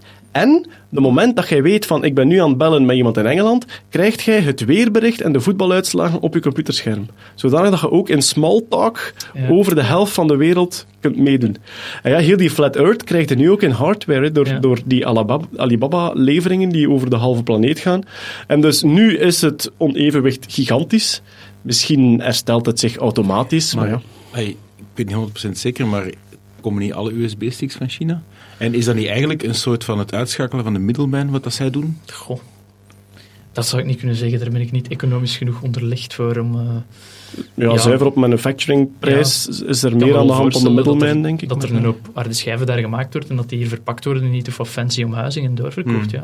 maar qua elektronica produceren in Europa gebeurt dat toch bijna niet. Nee, voilà, het is dat. Heel veel onderzoek en, en ja, je hebt... eh, Bijvoorbeeld, kijk naar, naar een weerstandje, die komen allemaal van daar, van de Far East. En dan heb je wel het, het, wat vooral de grote kostprijs daarvoor is, is, al het, is wel de middelman, is heel het shipping en handling en in pakjes steken en dan in schuifjes steken. En daar komt gewoon die kostprijs bij. En een stuk eh, garantie, omdat als het kapot gaat, dan moet het terug gaan kunnen. Ik vergeet altijd dat ik iets bij Alibaba besteld heb. Dat is van, het wordt geleverd tussen de 20 en de 40 Ja, dagen. ja. Dat is dan zo altijd van, oh, Ja. een Ja. pakje voor mij? En dan doe dat door. Ah ja, dat was dat. Ja. Dat waren is weer dus- weerstandjes, de gele zakjes. Zeg, eh, Richard Branson heeft zich zowaar weer eh, eh, geroerd. Ja, maar het is... Het Laat is me raden, hij gaat weer naar de maan. Eh, het is nee, naar de niet- ruimte. Niet eens zo ver. Oh. Hij, hij gaat maar 50 mijl de lucht in. Maar hij gaat 50 wel- mijl, dat is niet eens officiële Nee, ruimte. niet- ja, voor een bepaald criterium wel. Het is normaal gezien 100 kilometer. hè, 100 dan het kilometer is officiële ruimte, ja. Maar dat is voor een bepaald criterium wel. Wat dat hem eigenlijk ook wel... ehm, eh, gewoon, het is mijn vliegtuig. Het is, met zijn, het is geen, het is geen eh, raket. Het is echt zo, hij gaat gewoon gigantisch snel vliegen en gaat proberen om heel hoog een hoogterecord te breken. Beetje wanhopig om het nieuws te komen, heb ik die Maar welk, welk soort? Een gewoon lijnvliegtuig of Nee, nee, een het, is, het, Virgin, het is de Virgin Galactic. Hè? Ah ja. ja. Dus met de Virgin Galactic. En hij, gaat, hij ging toeristen meenemen. Hè? Kon... Nee, hij gaat zelf mee. Maar het Maar is zo... dit is geen persbericht, dit is een wanhoopspoging.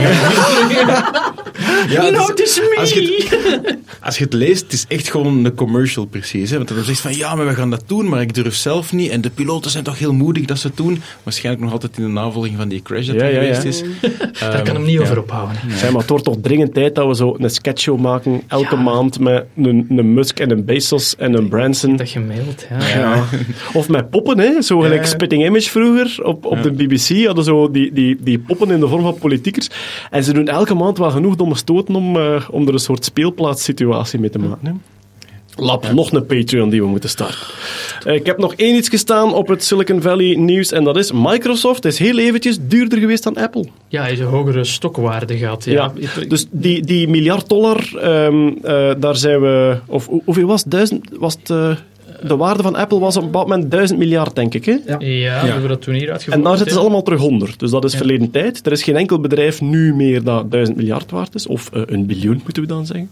Ehm, maar Microsoft heeft ehm, Apple even ingehaald Ja. deze maand. Ik denk was dat ze er nu weer onder zijn. 826 biljoen, terwijl een billion, ik zeg billion, dat is in Nederland is een miljard. En Microsoft was toen ja, iets hoger dan 826, dus ze zijn eventjes erboven geweest. Oké. De- omdat Microsoft zich aan, het- zich aan het pivoteren is naar, naar cloud en, en naar... naar, naar allee, dat is, Microsoft is niet meer alleen Windows, hè. Die, die halen nu het Nee, grote ja. geld binnen op cloud en eh, ja, HoloLens misschien? Ja, maar HoloLens is toekomst meer. Meer, meer services. Zo, dat was het eh, Musk-nieuws en ander Silicon Valley-nieuws voor deze maand. We hebben ook een paar recalls, hè, dus mensen die een opmerking hebben als je iets hoort waarvan je denkt van ah, daar kan ik eh, een correctie op sturen of een aanvulling op sturen. Zeer welkom. De website is podcast.nerdland.be. De website, nee, de e-mail. E-mailadres, ja, Je kan mailen naar de podcast. verschil nog wel eens uit, Naar ook. het, schijnt komt er, naar het schijnt komt er ooit een website. Ja, nerdland.be bestaat al, maar dat is een beetje een doorverwijswebsite Ja. naar eh, allemaal eh, verschillende dingen. Zoals bijvoorbeeld mijn eh, DNA-tournee, een theatercollege over eh, het DNA en menselijke genetica, op tournee vanaf januari in België en Nederland. Waarom ga je zijn eerst nog- naar Nederland?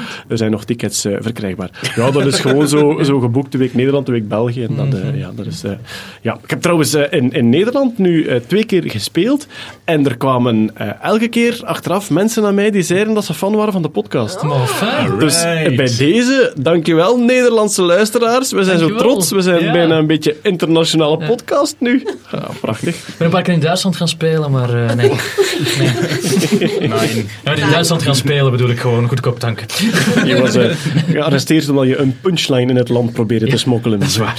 werd eh, niet geapprecieerd. Maar eh, we krijgen dus af en toe e-mails met... Correcties ook, en soms verrassende correcties, want ik heb weer bijgeleerd. Wouter Vervloesem die mailde mij dat Sterrenstad en Baikonur twee compleet verschillende dingen zijn. Ik wist dat niet. Oei. Dus Baikonur is waar de lanceringen gebeuren van de, van de Soyuz. En Sterrenstad is blijkbaar een stuk in Moskou waar dan het epicentrum van de cosmonauten en zo zit. Maar die liggen 2500 kilometer van elkaar. Ik dacht eigenlijk dat die gewoon dat die een sterrenstad rond die lanceerbasis gebouwd hadden. Maar dat is dus blijkbaar niet zo. Ik dacht, dacht ook dat dat dichter bij elkaar lag. inderdaad. Ik weet dat Ja. in Sterrenstad woont zo al het personeel en al de... Dat is weird. En Die maar controles... besparen op verplaatsingskosten. Ja, dat is waar. Die pakken een raketje, hè. Maar dus, ja, de raket bouwen, dat gaan ze niet in Sterrenstad doen. Hè. Dat, lijkt mij, dat lijkt mij gek dat ze die 2500 kilometer... Alhoewel, ja, het is Rusland, dat is ook voor hen niet zo ver. En je hebt altijd zo die trein, hè, die, die, Ja, en ik weet dat ze inderdaad, allee, ze fabriceren al die dingen op voorhand. En volgens mij in Baikonur of zo worden die echt geassembleerd pas. Dus die worden volgens mij wel ergens anders gemaakt. Ja, ja. Maar je hebt altijd, ik vind dat een magnifiek beeld, zo een, een echte oude Sovjet-trein met daarop die kloever van die raket die zo naar die lanceerbasis gereden wordt in een soort steppenlandschap. Ja, prachtig. Maar dankjewel Wouter, Eh, Sterrenstad en Baikonur zijn dus twee compleet verschillende dingen. Eh, we hadden ook nog eh, Jo Bursens en Ja. die mailde een aanvulling op het hele verhaal van de Bloomberg. de zogezegde of misschien ja, vermoedelijke spionagechip die ingebouwd werd in bepaalde In China. apparaten. Ja, eh, dus weer China. Dat klinkt als China. ik hoop dat die running gag erin blijft, anders gaat het wel heel raar klinken. Ehm, eh, dus ja, we hadden vorige, vorige maand verteld dat er een eh, bericht was dat er in China bepaalde chips op moederborden geplaatst werden, die dan in Amerikaanse producten Amerikaanse zouden terechtkomen. Eh, dat Bloomberg-verhaal is lichtjes anders, maar ze hebben het al een paar keer aangepast. Het zou dus gaan over chips die terechtkomen in moederborden van servers die gebruikt worden door producten, al, door bedrijven als Apple en Google en Amazon en zo. Dus het is niet dat die chips uiteindelijk terechtkomen in je iPhone, maar wel in het bedrijf dat je iPhone maakt. Niet in onze telefoon, Niet in onze telefoon, maar nee. wel in de cloud service de van de cloud-servers telefoon. die al die grote bedrijven gebruiken. Dat is Ja, veel interessanter, hè? Ja, dat is veel interessanter Ja. en, en daar, daar valt zeker wel wat te rapen. Dus als het verhaal waar zou zijn, want again, dat Bloomberg-verhaal is, zij blijven, hoe zeg je dat, de voet stijf houden dat het waar is, terwijl alle bedrijven zeggen van... wij- wij- Beenste- ja, het been stijf of de nee, voet aan de grond is iets anders. tussen de deur. Ja, ja. Dat is nog iets Ja. anders. Voet tussen de deur. Ze blijven, Zij blijven, het, zij blijven het been stijf eh, in de wielen steken. En ze, ze zeggen, kunnen we Nederland. de dingen die je kan met woorden. En, en, en zij zeggen dus dat dat verhaal is niet waar en Bloomberg blijft erbij, dat verhaal is wel waar. Dus de waarheid ligt nog altijd, de wel eens niet is gaat De door wel eens tot niet nu. is, gaat nog altijd door. Ja. Oké, ja, goed. En dan eh, één aanvulling, wat eigenlijk eh, een, een verspreking was vorige keer. We hadden het over de astronauten. We hadden gezegd dat de astronauten enkele centimeter korter werden tijdens hun verblijf in de ruimte. Langer. Het is natuurlijk langer, dat is logisch. ja. Zwaartekracht valt weg. Dus eh, Scott Kelly was vijf centimeter langer dan zijn tweelingsbroer toen hij terug naar de aarde vijf kwam. centimeter is wel Na zes maanden, nee, ja, ja, vijf Hey centimeter. baby, ben je vijf centimeter wat? Of is de internationale maat van de meter eh, veranderd? Of Ja. wat ik nu. Oké, eh, we gaan nog eens naar China, want... eh, Dat ja, klinkt als China. Ja, inderdaad. Pepina, dat klinkt als China. ja, en, en we hebben het al een paar keer verteld hier ook, dat ze nu met gezichtsherkenning heel veel controle aan het doen zijn en zelfs automatisch boetes aan het uitschrijven zijn in eh, China. Onder andere als je door het rood wandelt. En er is dus een vrouw, is een CEO van een groot bedrijf, en die heeft een boete gekregen voor het eh, door het rood oversteken op het zebrapad. Wat bleek? Zij staat op een reclameposter op de zijkant van een bus. En dus toen het rood was voor de voetgangers, reed die bus voorbij. Die camera ziet dat. Op, eventjes meten, oogmeting, afmeting, neusmeting. Ah, dat is die persoon. En zij kreeg dus een boete in de bus. Het gaat over Dong Mingzhu van het, eh, het, het bedrijf Gree Electric. Die maken huishoudtoestellen en zij heeft een boete in de bus gehad. Op een plek waar zij helemaal... Maar, maar je krijgt niet altijd een boete. Hè. Blijkbaar is het zo dat als je bepaalde overtredingen doet, dat je dan bijvoorbeeld als je gaat solliciteren, dat je dan niet wordt aangenomen. Uw- uw sociale score, ja, je hebt een of je kan puntenscore. niet meer krijgen en van Ja. die dergelijke dingen. allemaal. Die puntenscore is nog niet zo expliciet geïmplementeerd. Er Maar dat willen ze wel doen. Berichten over, maar ik Het is letterlijk Black Mirror. plaats. En Ja. er stond op... eh, maar, heb ik, ik heb hem hebben we dat vorige maand niet gezegd? Er Ja. stond op Twitter een filmpje in de trein. Dus je hebt zo de bullettrein van, van Shanghai naar Peking en terug. En er stond een filmpje van iemand op Twitter die op die trein zat. En daar werd dus eh, omgeroepen. U mag op deze trein niet roken en niet spuwen op de grond. Dat heeft implicaties voor uw sociale score. En Als je, be- als je betrapt wordt op een trein voor spuwen, dan gaan er een paar puntjes af.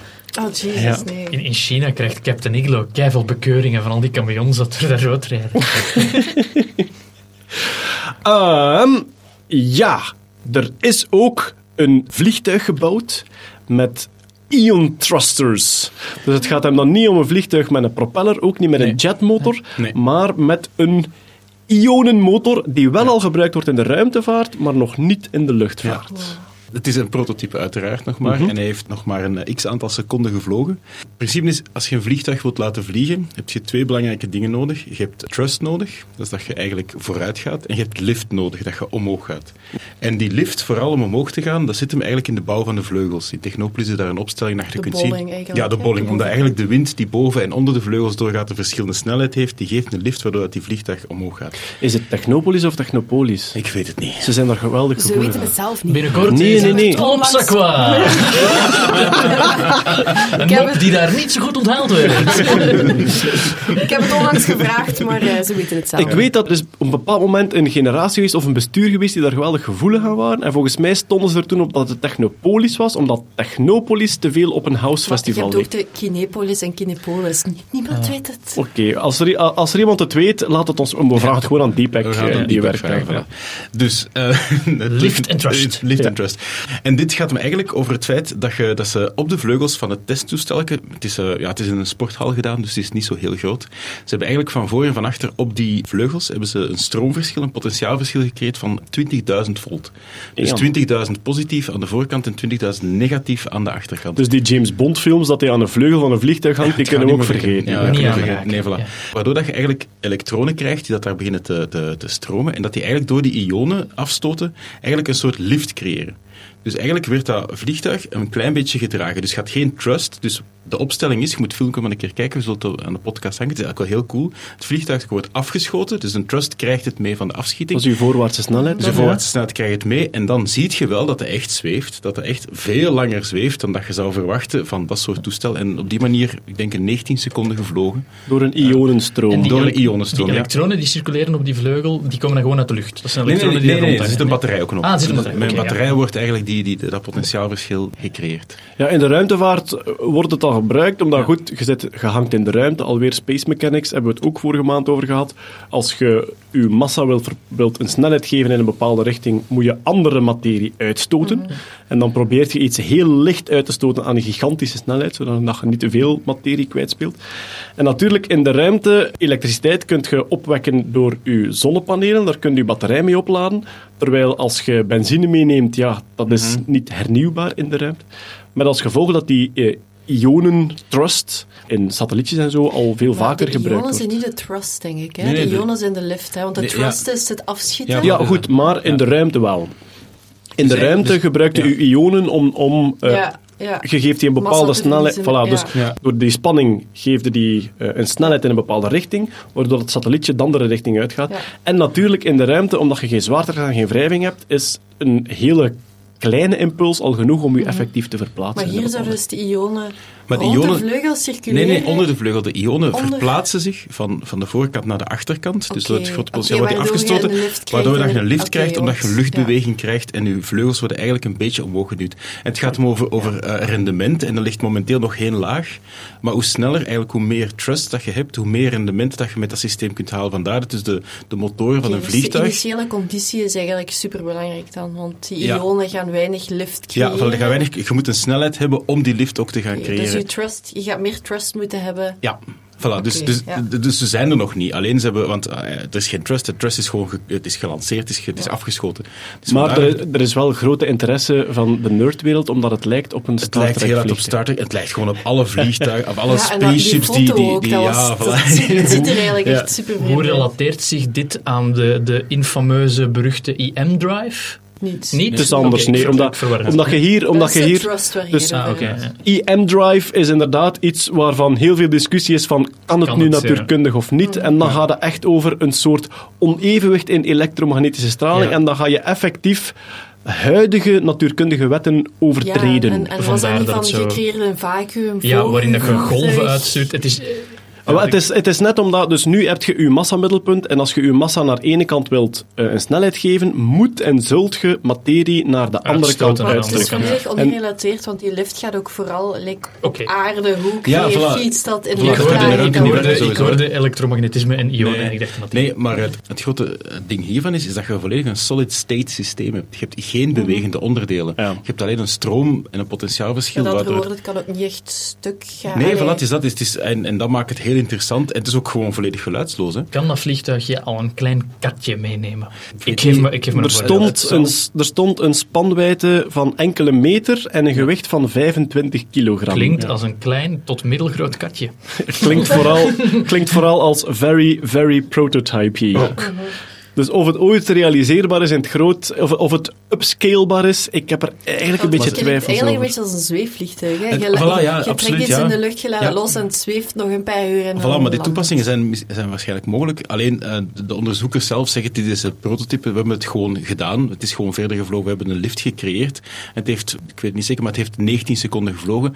En de eerste testvlucht van de Gebroeders Wright was maar 18 seconden. Wat Dus een we- prachtige vergelijking die werkelijk nergens op slaat. Ehm, Ook niet, maar... Maar wat dat wel iets is, wat dat je steeds vaker ziet opduiken, dat zijn die, goh, ik denk dat ze soms pseudosatellieten genoemd worden, namelijk onbemande vliegtuigjes die niet in de ruimte hangen, maar die in hoge luchtlagen dagenlang in de lucht blijven. Ofwel om internet te Ja, versturen, Zoals, of zoals om... Nathalie zegt, hè, een zweefvliegtuig is eigenlijk meer. Ja, ja, maar die zijn onbemand, dus je hoeft daar zelfs geen klein katje in te stoppen. Ik ben altijd bezig. Kurt gebruikt dat ook bij de seks. Ja, het was maar 13 seconden, maar de eerste test. Dat is waar. Moet jij bij een Truster nog eens voor? Ik voel hier een potentiaalverschil. I lift you up. Nee. ja. Oh, lift us up. Nee, nee, nee, nee, nee, nee. Oké. Zeg, zullen we anders nog eens naar de biologie gaan en dan een beetje de paleontologie ook? Paleontologie.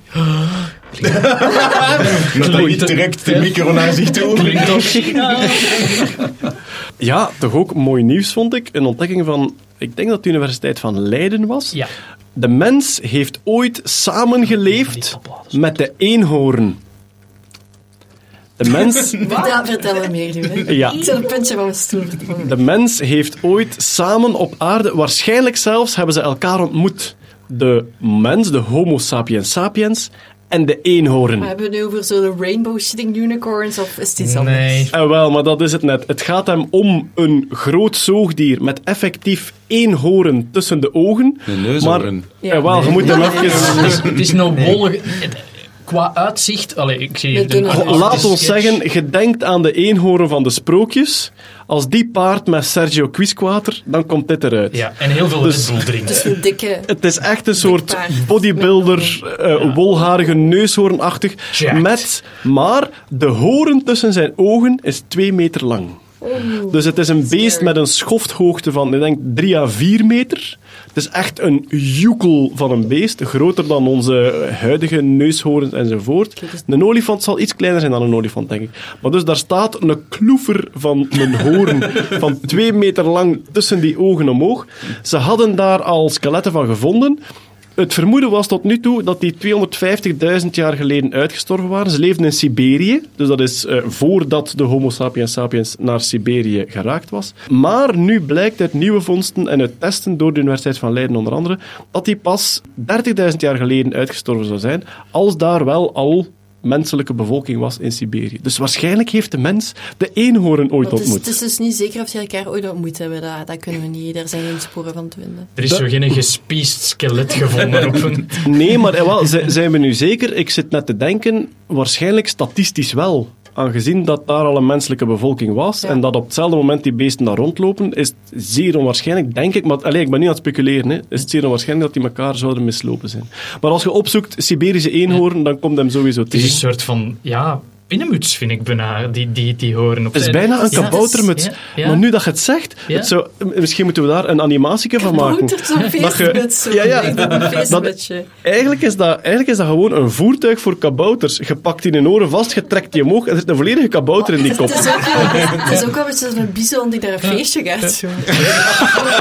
In, in deze sketch, in deze sketch ziet dat beest er ook gewoon uit alsof dat het zoiets heeft van, ja, deze past mij ook niet. Maar Want het is eigenlijk wel gewoon real fucking scary. Een Ja, van waar. twee meter, dat had je niet idee. Dat is iets heel anders dan zo de, de unicorn bij ons die zo Ja. je dromen... ja, ja. Het is niet het, is niet het, no- het, is niet het nobele dier Nee, dat je nee, het is, het is in, heel eng eigenlijk. in het maanlicht ziet ronddraven. Als Ja. dat op u afstormt, dan denk je niet dat je aan de regenbogen en Maar inderdaad, nu dat je het zegt, het is precies alsof, het, alsof hij een feesthoedje op heeft. Zo, hè? Ja. En hij, kijkt ook Hoedje zo, op, ik ben Bob. hij kijkt ook zo kwaad. Ja, we gaan dat zeker linken in de Ja, je, podcast. je had Ja. geen zin om naar het feest te gaan. Nee. Het is absoluut, absoluut tegen zijn goesting. Verder in de biologie, er, er kwam zowaar een soort onheilspellend bericht. Ik denk dat het van een entomoloog was. Ah, Die, ehm, ja, die, Niks anders. ja. ja, Genever stoken en onheil verspreiden. Genever en, en haat stoken. De Cambridge Analytica van de biologie, dat zijn ze. En die sprak zowaar over de insect apocalypse. God. En goed, we horen af en toe rampverhalen over de bijenpopulatie en over andere dingen. Zijn, zijn aanleiding voor zijn bewering was, laat ons zeggen, vrij anekdotisch. Hij ging fietsen in de zomer. En hij herinnerde dat vroeger, als hij daar ging fietsen, dat zijn bek vol beestjes waaide. En deze keer gebeurde dat niet. Maar verder heeft hij zich erin verdiept. En ja, Peter, we kijken toch eventjes met nieuwsgierige en licht angstige blik naar u. Insect apocalypse, wat betekent dit en wat moeten we ervan geloven? Ja en nee. In, in die zin, er, ik moet even twee jaar teruggaan, of bijna twee jaar teruggaan. 2000, daar hebben we geen jingle voor. Ja, ja, nee, wacht. eh, nee. We zullen het, het beeld zo doen vertroebelen en en swirlen. Ah ja, dat zo'n muziekje Nee, maar er is, er is in, in ah, dat is nog niet twee jaar geleden, maar in, in mei 2017 is er daar ergens een artikel gepubliceerd over waar zijn alle insecten naartoe. En Ja, ik vind dat ze wel heeft- nog. Ja, ja. Overal. En dat, heeft een, dat, dat is gebaseerd op een onderzoek, de Kreefveld Entomologische Vereniging. Dus dat is een, een, dat zijn Duitse amateur-entomologen. Die doen al sinds de jaren 80 onderzoek in één bepaald natuurgebied. En die gaan dus elk jaar voor een bepaalde periode valkens uitzetten. Dus bodemvallen, maleizenvallen. En die hadden gemerkt dat sinds 2013 het aantal, dus de biomassa van de beestjes die zij in de, in de potten eh, verzamelen, dat die achteruit aan het gaan was. En ze hadden dan even teruggekeken naar de resultaten van de vangsten in 1989. En wat blijkt, de biomassa is met 80% achteruit gegaan in dat gebied. Hm? Dus Dat wil wel- zeggen, dat is wel was stevig. zeer, ja, ja, dat was zeer dramatisch. En die hebben daar een publicatie over geschreven. En dat is dan opgepikt door de media. En dat is dan gecommuniceerd als een oei. Het gaat wereldwijd met de insecten achteruit. Nu, daar zijn nog andere onderzoeken gaande. En, dat gaat overal ter wereld wel. En eh, dat blijkt wel dat op bepaalde dingen, dus die onderzoeken, dat duidt wel aan dat er een achteruitgang is in insectenpopulaties. En dus wat jij zegt over die entomoloog, dan noemen ze dan de, de windshield phenomenon. Dus eigenlijk uw vooruit, het vooruitfenomeen. Hoeveel Dus beesten het erop de mensen zeggen dat vroeger, als je op vakantie ging en je gaat met je auto, ja, dat ging helemaal vol dooi beesten. Ja. En tegenwoordig kun je dan, kun je dus met je auto overal naartoe gaan, dan heb je dat probleem niet. Dan was er iemand die zei van, ja, ja, ja, maar de, de voorruiten zijn veel aerodynamischer gemaakt, waardoor je dat niet hebt. En er was dan een entomoloog die zei, nee, ik rij nog in zo'n oude afstandse dingen, auto met zo van die rechte voorruiten bijna, en daar heb ik dat ook niet. Dus er, er is wel degelijk een achteruitgang in Lijkt zo niet helemaal wetenschappelijk. Oh, Wel, ja, maar goed. Ik maar dat is het juist. maar ik wil, ik wil, ik wil er ook bij zeggen, Ja. je, kunt, je kunt inderdaad op basis van anekdotiek en op basis van gevoel kun je geen conclusies trekken. Nee. Maar je kunt er wel een vermoeden uithalen dat je daarna gaat testen. Er was een tweet vorige week van Alex Wild. Alex Wild is de curator van de entomologische collectie van de eh, University of Texas. Hij is een hele wereldbekende insecten-macrofotograaf. En die had gezegd van, ja, je moet er toch mee oppassen. En dat is exact wat jij zegt. De data zijn zeer fragmentarisch. Het is alsof we gaan zeggen van, hé hey jongens, er is een climate change aan de gang.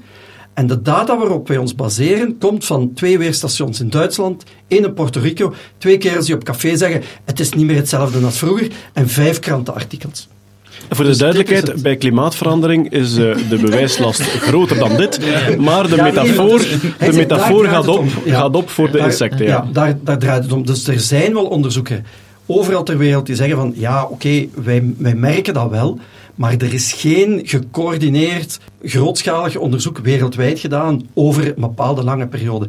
En het probleem is dan ook nog, Bijvoorbeeld, ik zit in de Licona Limburgse koepel natuurstudie in de werkgroep eh Ongewervelde. En wij doen al twintig jaar... Dat klinkt alsof die werken... Ja, zwart, ik moet niet uitleggen. Ik hoop, ik, dat zijn de insecten nerds van ja? ik hoop dat het op uw businesscard staat, eh, Peter.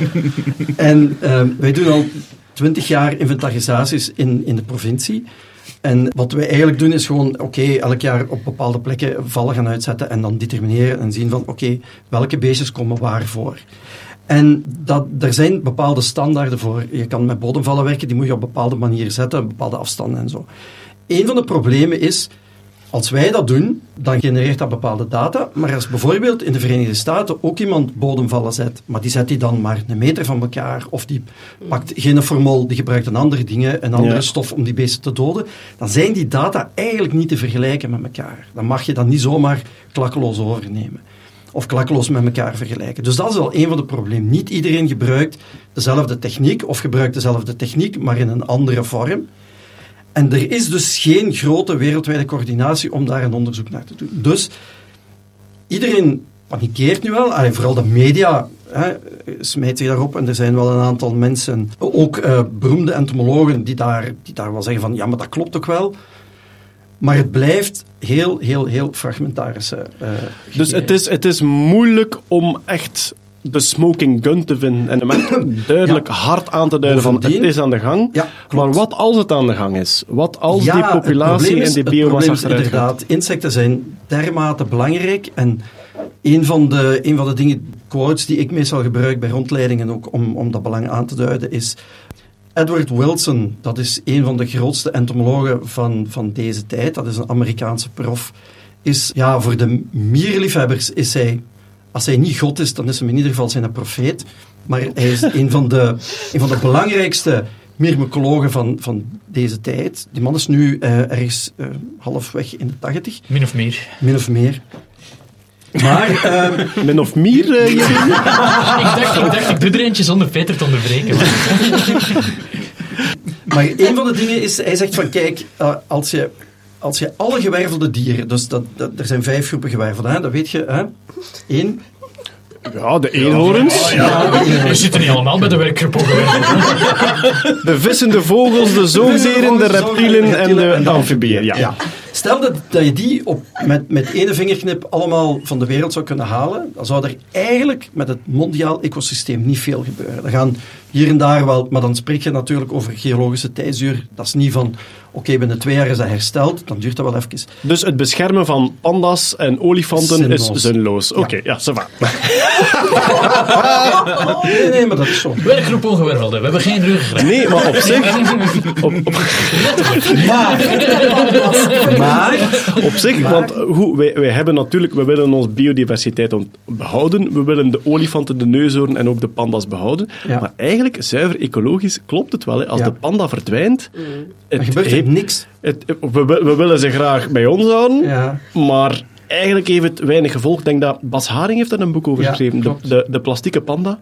En die gaat voor een stuk daarover. Maar goed, met de entomoradicaliseren? Entomoradicalisatie, inderdaad. Maar, maar, en dat is wat, wat Wilson zegt, eh, als, je, als je nu hetzelfde zou doen met enkel, met enkel de mieren, de bijen en de termieten, dus als je die drie groepen zou laten verdwijnen, en iedereen zegt, ja, ja, een mier is een mier of een bij. Als je dat zou doen, dan zou binnen de maand heel het ecosysteem beginnen in elkaar te, eh, te zakken en het zou, eh, alles zou sterven op aarde. Omdat Alles? die- alles. Alles is veel gezegd, hè, want de, eencelligen en dat soort dingen. Ja, ja, en, goed, oké, hè. ja.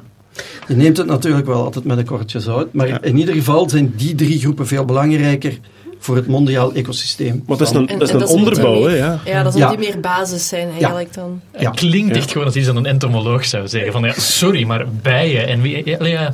Ja, maar- ik weet ja, het, maar maar, goed. goed, Pet- Peter heeft mij een beetje aangestoken in de, in de entomofilie, zal ik dan maar zeggen. want wat niet wil zeggen is dat je mieren neukt of zo. Maar, ehm, maar Peter heeft mij wel aangestoken in, in de entomofilie. En eigenlijk, als je in verdiept, voor de ongewervelden zijn wij decor, hè. wij ja. doen er niet toe, terwijl dat wij wel heel erg steunen op een beetje de onderbouw en de organische werking van al die kleine beesten. Dus als wij verdwijnen, gebeurt er weinig. Als zij verdwijnen, valt ons fundament weg. Het is echt, het is echt een kaartenhuisje. En wij staan van boven in het kaartenhuisje, top of the food chain, met als gevolg dat als je ons wegslaat, gebeurt er niets. Als je onder de kaarten wegslaat, ja, dan gebeurt er heel veel. Ja. Nu, het is wel... eh, die berichtgeving rond die insectapocalypse is natuurlijk wel een hele hoop fut. Hè? Daar, Mm. daar, daar wordt wel... Oh, en vooral- mag, ik- mag ik dan de publication bias jingle Ik spelen? was het ook aan het denken. Tuurlijk. Is het een publication ja, bias? kijk, ja weet het, is, het is wat ik zei. Het is ja en nee. Er, er is wel een indicatie. Ja, dat maar ik kan de jingle- ik kan- wilt de jingle. Luister, Ja, Peter, ik, ik kan de jingle niet en wel en niet spelen. We zitten hier niet in een soort wel podcast. de publication bias van de publication bias jingle Ja, trappen. wel. Wat, Pardon? Jingles all the way down. Zitten we in een soort publication bias inception hier? Inception, ja, ja. ja. Ja, oké. Niet trappen. Een halve jingle. Weet je wat? Oh, het is ja en nee, dus ik speel hem niet, speel hem af in uw hoofd. Ga vooral verder, Ja. Ja, nee, Of steken maar, in een eh, doosje. Ik zal hem zachtjes zingen terwijl dat jij hem verder babbelt. Nee, nee, maar goed, het, wordt natuurlijk wel... Het wordt, Ja. Doe maar, Peter. nee, oké, het is... Het is ehm, er wordt natuurlijk, het wordt wel wat gehyped, maar eh, op zich is er, wel, is er wel iets voor te zeggen. Er is wel, er is wel iets aan de hand. Maar het is heel moeilijk om er... Om, ja, er is heel fragmentarische data. De smoking gun, want eh, Ja. ze, zijn- ze zijn geweldig lastig te bestuderen, vooral als je de volledige populatie wilt, eh wilt ja, elkaar en, brengen. en ja. meestal, wat, wat doe je dan? Je gaat de meer iconische dieren, diergroepen of insectengroepen gaan bestuderen. Dus dagvlinders, dat vindt iedereen knap. Dus iedereen doet dagvlinders. En, en bijen, dat is ook... Maar er zijn, er zijn heel, veel andere, heel veel andere insectensoorten die even belangrijk zijn. Maar hè. dat, dat, dat merk ik vaak. eh, entomologen die niet met vlinders bezig zijn, die hebben echt een soort... Vlinders Ja. voor hen, dat, is- dat, is echt zo, dat is echt zo de K3 van de insecten. Hè. Dat is, commerciële. ja, echt waar. Vlinders. Dat, Dagvlinders, ach. pas op, hè. Eh, nachtvlinders is dan iets anders. Dat is Ja. nog een categorie. Je hebt eh, trouwens ook dagactieve nachtvlinders. En nachtactieve dagvlinders. Ik ga, ik, dat wordt mijn Twitter-handle, denk ik. Dagactieve nachtvlinder. Ja, in feite. Ja. Maar goed, Eh, in Insect Apocalypse, we weten het nog niet zeker, Nee. Maar er is er, waarschijnlijk wel, er, is wel, er is wel iets aan de hand. Maar, iets aan de ja. hand. Ja. Het internet hoort je wetenschappelijke argumenten en schreeuwt doofpotoperatie. Hashtag wat met de bijen. Dat is goed. We Ja, gaan de, gaat niks gebeuren. Ah, nee, de bijen Eh, zijn nee, nee, nee. we gaan de, Eh, de subreddit Insect Apocalypse eh, Ja, maar tot, totdat je het uitlegde, dacht ik dat het de apocalyp- apocalyps van de mens was en dat er grote insecten gingen komen om ons op te peuzelen. Ah, oké. Dus het is, het is de apocalyps voor de insecten. Ja, ja, ja. Ja, voilà. De insecten gaan dood. Maar dus ook voor de mens dan, want zonder ja, insecten ja, zijn een we dood. Later. Iedereen apocalyps, ja. Een maand later. We gaan eh, per grote uitzondering, want we doen dat eigenlijk weinig, eh, een beetje fandom doen. Hè? Fandom doen we, doen we normaal alleen over eh Doctor Who, eigenlijk. hè. is waar. dat is het een beetje. Maar eh, Stan Lee is overleden. Dood. Ik ben zelf geen comics man. Ik weet niet of er hier comics nerds aan de tafel zitten. Nee, Stefanie had erbij moeten zijn. Hè. Die is, Ah ja, die zit wel, die zit wel in de, in de. Marvel en de DC. Ja, zeker en de de- X-Men-achtigen en zo. Ja, Ja, voilà. Star Trek. Ja. Ik weet dat ze onder onze luisteraars zitten, dus eh, goed. En ik besef ten volle dat Stan Lee geweldig belangrijk was in het scheppen van dat universum. Maar Jeroen, je had er nog een gek verhaaltje over Ja, gevonden. ik, ik, ik volg het fandom ook maar, maar een beetje eh, tangentieel. Maar de laatste maanden, het ging al een tijdje slecht met de gezondheid voor Stan Lee, maar deden er rare verhalen te ronde over zijn bloed. En die verhalen werden steeds meer ruchtbaarheid gegeven. Er zou een of andere shady businessman zou aan de verpleegster van Stan Lee gezegd hebben van tap regelmatig wat van Stan zijn bloed af. Voor, gewoon voor onderzoeken, uiteraard. Maar er zouden met dat bloed zouden eh, comics gestampt zijn. Dus eh, Ik, gestempeld. ik had echt gehoopt op Ja. klonen, maar ook Nee, ja, ja, misschien ook. Ja, maar er, er zouden dus eh, comics verkocht zijn in Las Vegas met daarop stempels eh, met als inkt het bloed van Stan Lee. Een stempel met Stan Lee bloed. Een stempel met Stan Lee bloed. Dat zal natuurlijk stevig verdund zijn, anders... anders ik, we zouden het gewoon eens aan Fokken en, en Xander moeten vragen of ze dat niet op de kop getikt hebben, want dat lijkt mij echt zoiets voor verzamelaars. Maar dat, dat, er, dat er een markt voor is en dat er veel geld Ja. voor betaald wordt, dat weet ik. Want in die merchandising, ik val daar stijl van achterover, wat er voor zeldzame poppetjes betaald wordt. Die Dat niet is- uit de doos mogen. Ja, Ja, voilà, dat is, dat is echt ongelooflijk.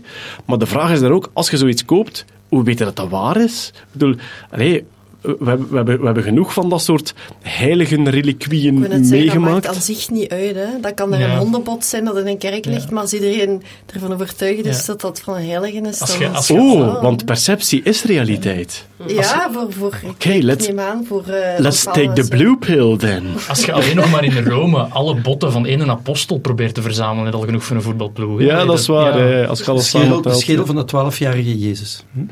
De schedel van de Ja, heb je 12-jarige nooit Jezus. die... Er is, er is zo'n Oh, dat is heel geweest specifiek van... Ja. van ehm, Amai, insectenapocalypse was geen Ja, samenzwering Schedel genoeg. van de 12-jarige Jezus. Ja. Dat is een plezante avond geweest op eh, de is zo'n politiek-satirische st- stripverhaaltje maar die geweest in schedel de is gevonden, 90. die schedel is gevonden in een mierennest.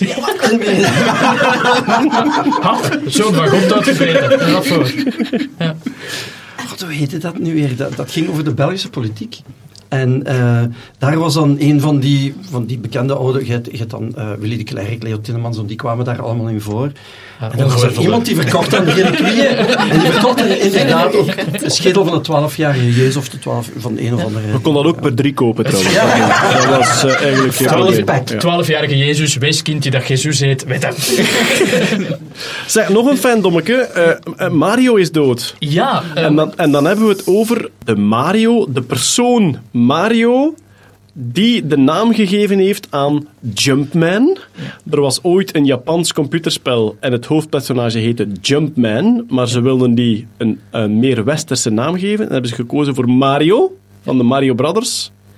En eh, die is genoemd naar iemand die toen werkte Ja. in de buurt van... Nintendo huurde een pakhuis in een stad in Amerika. Ik denk, ik wil eventjes kijken, Seattle. Eh, daar heeft Nintendo een pakhuis gehuurd toen ze aan Donkey Kong aan het werken waren. Dus Donkey Kong, de aap die achtervolgd werd door, door Jumpman op dat moment. En de prinses moest redden. En Ja. Donkey Kong smijt dan tonnetjes naar beneden waar je moet over, over, overspringen. Ja, oké, het is mee. Ja. Ehm, en en de, de huurbaas, dat was een zekere Mario Segale. En blijkbaar moet hij op een bepaald moment binnengekomen zijn. Was dat iemand met een zeer kleurrijk, hoe moet ik het zeggen? Hij was geen loodgieter of zo. Hè? Dat was gewoon een- een opmerkelijk persoon. eh, dat staat niet in het bericht, maar dus een opmerkelijk persoon, opmerkelijk genoeg om de, de ontwikkelaars van Nintendo daar te zeggen van hey, die Jumpman, we noemen die gewoon Mario. Maar dus hij kwam klagen omdat ze, ik denk, huur niet betaald hadden. Of er was iets fout. Ja. En dus hij zei, met tonnetjes op aan het gooien. Hij en hij zei tegen de mannen, if you don't pay your rent, you have to go! en de rest is geschiedenis. hè. Maar hij is overleden Hij is nu. overleden, ja. De naamgever van Mario. Oké, ik heb nog één iets gestaan en dat is natuurlijk eh, voor Jeroen, want het gaat Ah, over het de endeldarmen. Ah,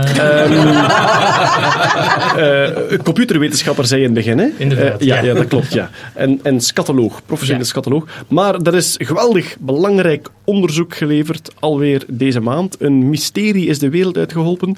Namelijk, als je een Lego-hoofdje inslikt, Ja. komt dat er dan ook uit aan de andere kant. Yes, en vooral belangrijk voor de ouders, hoe lang moet je daarop wachten? Want Ja. er zijn vast veel ouders, wiens kind of hond of weet ik veel wat, eh, wel eens Lego inslikt en die dat dan ettelijke dagen lang eh, de kaka zitten te ziften van hun, baby, van hun kindje, om zeker te zijn dat dat daar ook effectief uitkomt. Als dat merchandise is die heel duur is, dan wil je Ja, dat voilà, gewoon inderdaad, terug. Zo, zo poppetje. En daarom Met hebben, al. Daarom hebben eh, zes, eh, zes eh, eh, wetenschappers hebben Lego ingeslikt van verschillende grootte en verschillende eh, types. Ah, niet alleen Lego-hoofdjes. Niet alleen Lego hoofdjes. Ah, ik dacht dat ze enkel de hoofdjes van de minifix ingeslikt de- hadden. wel, daar is denk ik het besluit van gekomen. Maar voor het, het, het hoofdje van de, de minifix, die krijgen fart scores, found and retrieved time. Ja, het, is een contender voor de, voor de, dinges, de Ig Nobel Awards. Ah, wel, ik voorspel u hier en nu, hij gaat hem niet krijgen, want hij mikt er te veel op. Ja, het is... is- ja. Want door, door, die, door die termen ook fart en zo te noemen, heb ik het Ja. vermoeden, ze mikken er te veel op. Het kan nog, hè, maar ik denk dat ze niet gaan wat het krijgen. grootste onderdeel was dat die Er, er, is ook, er is ook een chat score, dat is de stool hardness, hardness and transit. Dus Stool chat en fart hardness scores. en- ja. Dus de fart scores tussen de 1.14 en de 3.04 dagen dat zo'n hoofdje eruit komt. Dus de eerste dag moet je niet bezig zijn met je kleine zijn kakte te zeven, want dat haalt toch De niet Lego uit. is daar dat nog is niet. daar nog niet. Eh, en dat is het, het grootste eh, besluit dat eruit gekomen is tussen de 1 en de 3 dagen. Wacht, wacht, wacht. Ik heb even een epiphany. Uh-oh. Wat gebeurt er als een Lego-blokje ingeslikt wordt door een wombat? Dan komen er zo van die topjes op. Die, die scheidt dan zo'n heel kasteel uit. Ja, dan heb je gewoon bouwen eigenlijk. hè. Een piratenkasteel. kubusvormige keuteltjes met nopjes aan waarmee dat je kunt bouwen, zeg. Oh mijn god. Dat is zo de kinderen. Inderdaad. Oh, ik weet al wat we gaan doen daar backstage bij Plankendaal. We gaan gewoon Lego meepakken. De- Deze kerstmis de Nerdland bouwdoos. En Volledig biologisch afbreekbaar. En zo één blokje vervangen door een wombatkeutel. Dat moet fantastisch zijn? Een Lego-huisje met wombatkeutel in het midden. en volledig Ja. biologisch afbreekbaar ook. Ja, Want dat ze van voilà. Lego niet kunnen. ze dat van Lego ondertussen zeggen? Want ik weet Ja, dat er... dat, dat er een eh, deel daarvan is al deel- zelfs Het is ABS, dus dat is... Ja, Maar het is is goed recycleerbaar volgens mij.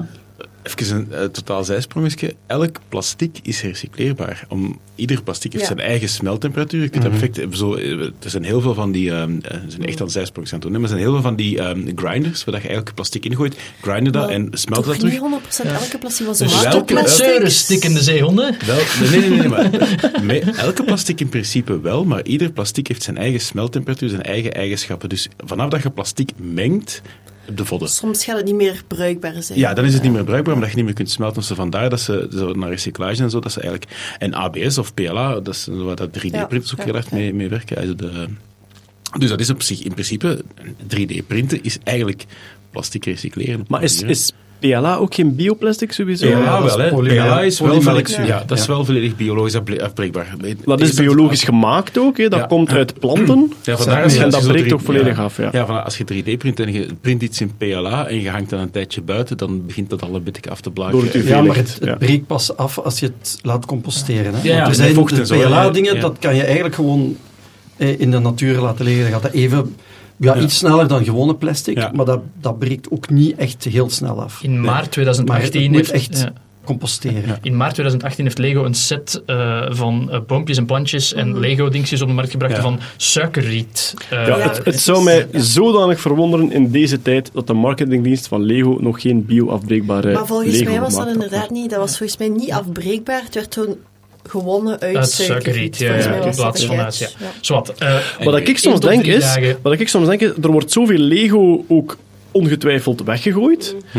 Ehm, of dat het niet intussen, zeker met de hernieuwde stijgende populariteit van Lego, of dat niet gewoon interessanter wordt om een soort sorteermachine te maken die al die blokjes terug op grootte en op kleur juist legt, zodanig dat je die opnieuw kunt in pakketten stoppen. Nu wordt alles opnieuw geproduceerd en weggegooid. Maar wordt er zoveel Lego weggegooid? Lego heeft een heel grote doorverkoopwaarde. Ja, maar het kan niet anders dan dat er Lego weggegooid wordt. Als je kijkt wat er in de, in de geschiedenis, in de voorbije... Ja. Maar nee, wat er in de voorbije 40 jaar aan Lego geproduceerd en verkocht is, dat, het kan niet dat dat Jij allemaal niet nog zonder... zolderkamers van. Bommas er vol. Lego staan. Voilà. Dus als we nu een machine bouwen dat gewoon op visuele herkenning Lego kan sorteren op alle mogelijke blokjes die er ooit... eh, wel. tot Ja. voor tien jaar was dat nog te doen, maar de complexiteit en de Ja, ik heb aantal blokjes een- dat er tegenwoordig. Maar de bestaat. artificial intelligence en de beeldherkenning zijn eh, sneller gestegen. Het gaat een red race worden. Ik heb hè. vijf Het gaat een red race worden. basisstudent gehad die dat, dat deed, Lego-blokjes herkennen. En zelfs voor één of twee eh, heel specifieke type blokjes te herkennen, was dat verdomd lang trainen. Voor, dat dat Voor een computer is dat gemakkelijker dan voor een mens. Niet voor dus deze student. je rijdt rond. ja. Je had nogthans dat een is toch- computer. Dat is toch een hele, een hele ding. Binpicking is toch echt een... Ja. Maar dus, je rijdt, je rijdt rond met een vrachtwagen en je zegt tegen al die bommas met Lego op een zolder, zeggen ze van kijk, hier 50 euro voor heel die een bak. Je sorteert dat en je verkoopt dat door Ja, op de juiste absoluut. kleur. absoluut. Ja. Maar ik vind het een heel tof ding. En het is een heel interessant, het is echt zo een battle tussen de Lego en de artificiële intelligentie. Misschien moeten we daar een of andere wedstrijd Kurt kan er gewoon niet bij dat er iemand Lego zou weggeven. We geven, we geven het tot daar Weggooien. maar weggooien. Ja, sturen. Ja, voilà, dat Ja. doet het toch niet? Wij spelen nog altijd met de Lego-trein van mijn vader op zolder. Zo, dat is nog een Lego-trein waar dat de spanning nog echt op die rail staat. Dus we Ah, konden die, Ja, we konden die eh, likken en dan kregen we een was Maar- 90% Oh, dat is, van de Lego even, spelen. even te zeggen, dat is nu echt wel spijtig. Mijn zoon heeft een Lego-trein. En dat is ehm, heel stom, want de motor zit nu in die trein, savan nog. Maar dat is dus, ehm, die afstandsbediening om die trein te besturen is met infrarood. Dus dat is line of sight dat je nodig hebt. Wat dat heel belangrijk is, want wat doet ieder kindje? Die bouwt een trek rond hem en die gaat midden in die cirkel zitten. Dus die wil die trein doen stoppen, maar ja, het bakje is langs de andere kant. Je hebt geen line of sight. Dus ik, ik, ik snap dat echt niet. Lego, Lego doet er In wat plaats aan. van dat op bluff hoeft te steken. Ja, Bluetooth of, FM of, of, of RF, whatever. Ja, maar eh, trouwens, eh, we zijn eh, deze maand was het ook, hè? ja, we zijn deze maand naar de grote eh, Brickmania geweest in Antwerpen. Dus in, in Antwerpen hebben we zo... In, ja, ja, ik ben er geweest. Ik dacht, Ja, ja, ik, ben- ik, ik ben een stuk kwijt. Ja, ja, nee, maar ik was daar, ik was daar met vrienden en familie. We zijn Ah, met, ja. een, met een hele groep daar naartoe getrokken.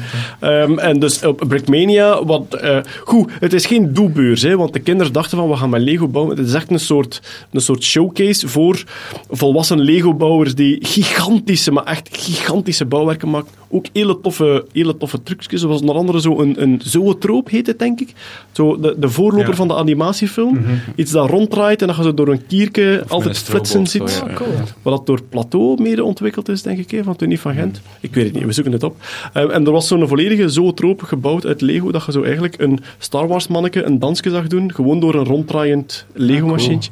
Ehm, Goed, en daar zijn we langs geweest en daar stond ook een gigantisch bouwwerk, allemaal gemaakt met van die een hele oude, jaren 80, eh, Intergalactic Space Lego.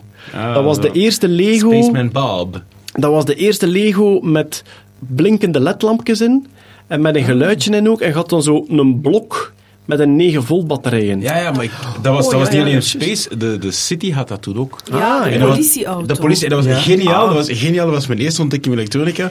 In de zin van, gaat, gaat die een blok van 9 volt batterij, dat dan echt zo de camion was. En dan hadden ze zo een, een rechthoekig, een 4 x 1 Ja. Iedereen heeft die benaming. En dan zo twee lampjes. En het echt coole was, als je dat in de ene richting erop zet, dan flikkerde die simultaan. Als je dat in de andere richting erop zet, Ja. dan deed dat flikker, flikker, flikker. En ik was daar... Ik, Afwisselend, ik ja. besef, ik, ik ben gewoon een, een uur naar aan het staren geweest. En, hoe kan dat?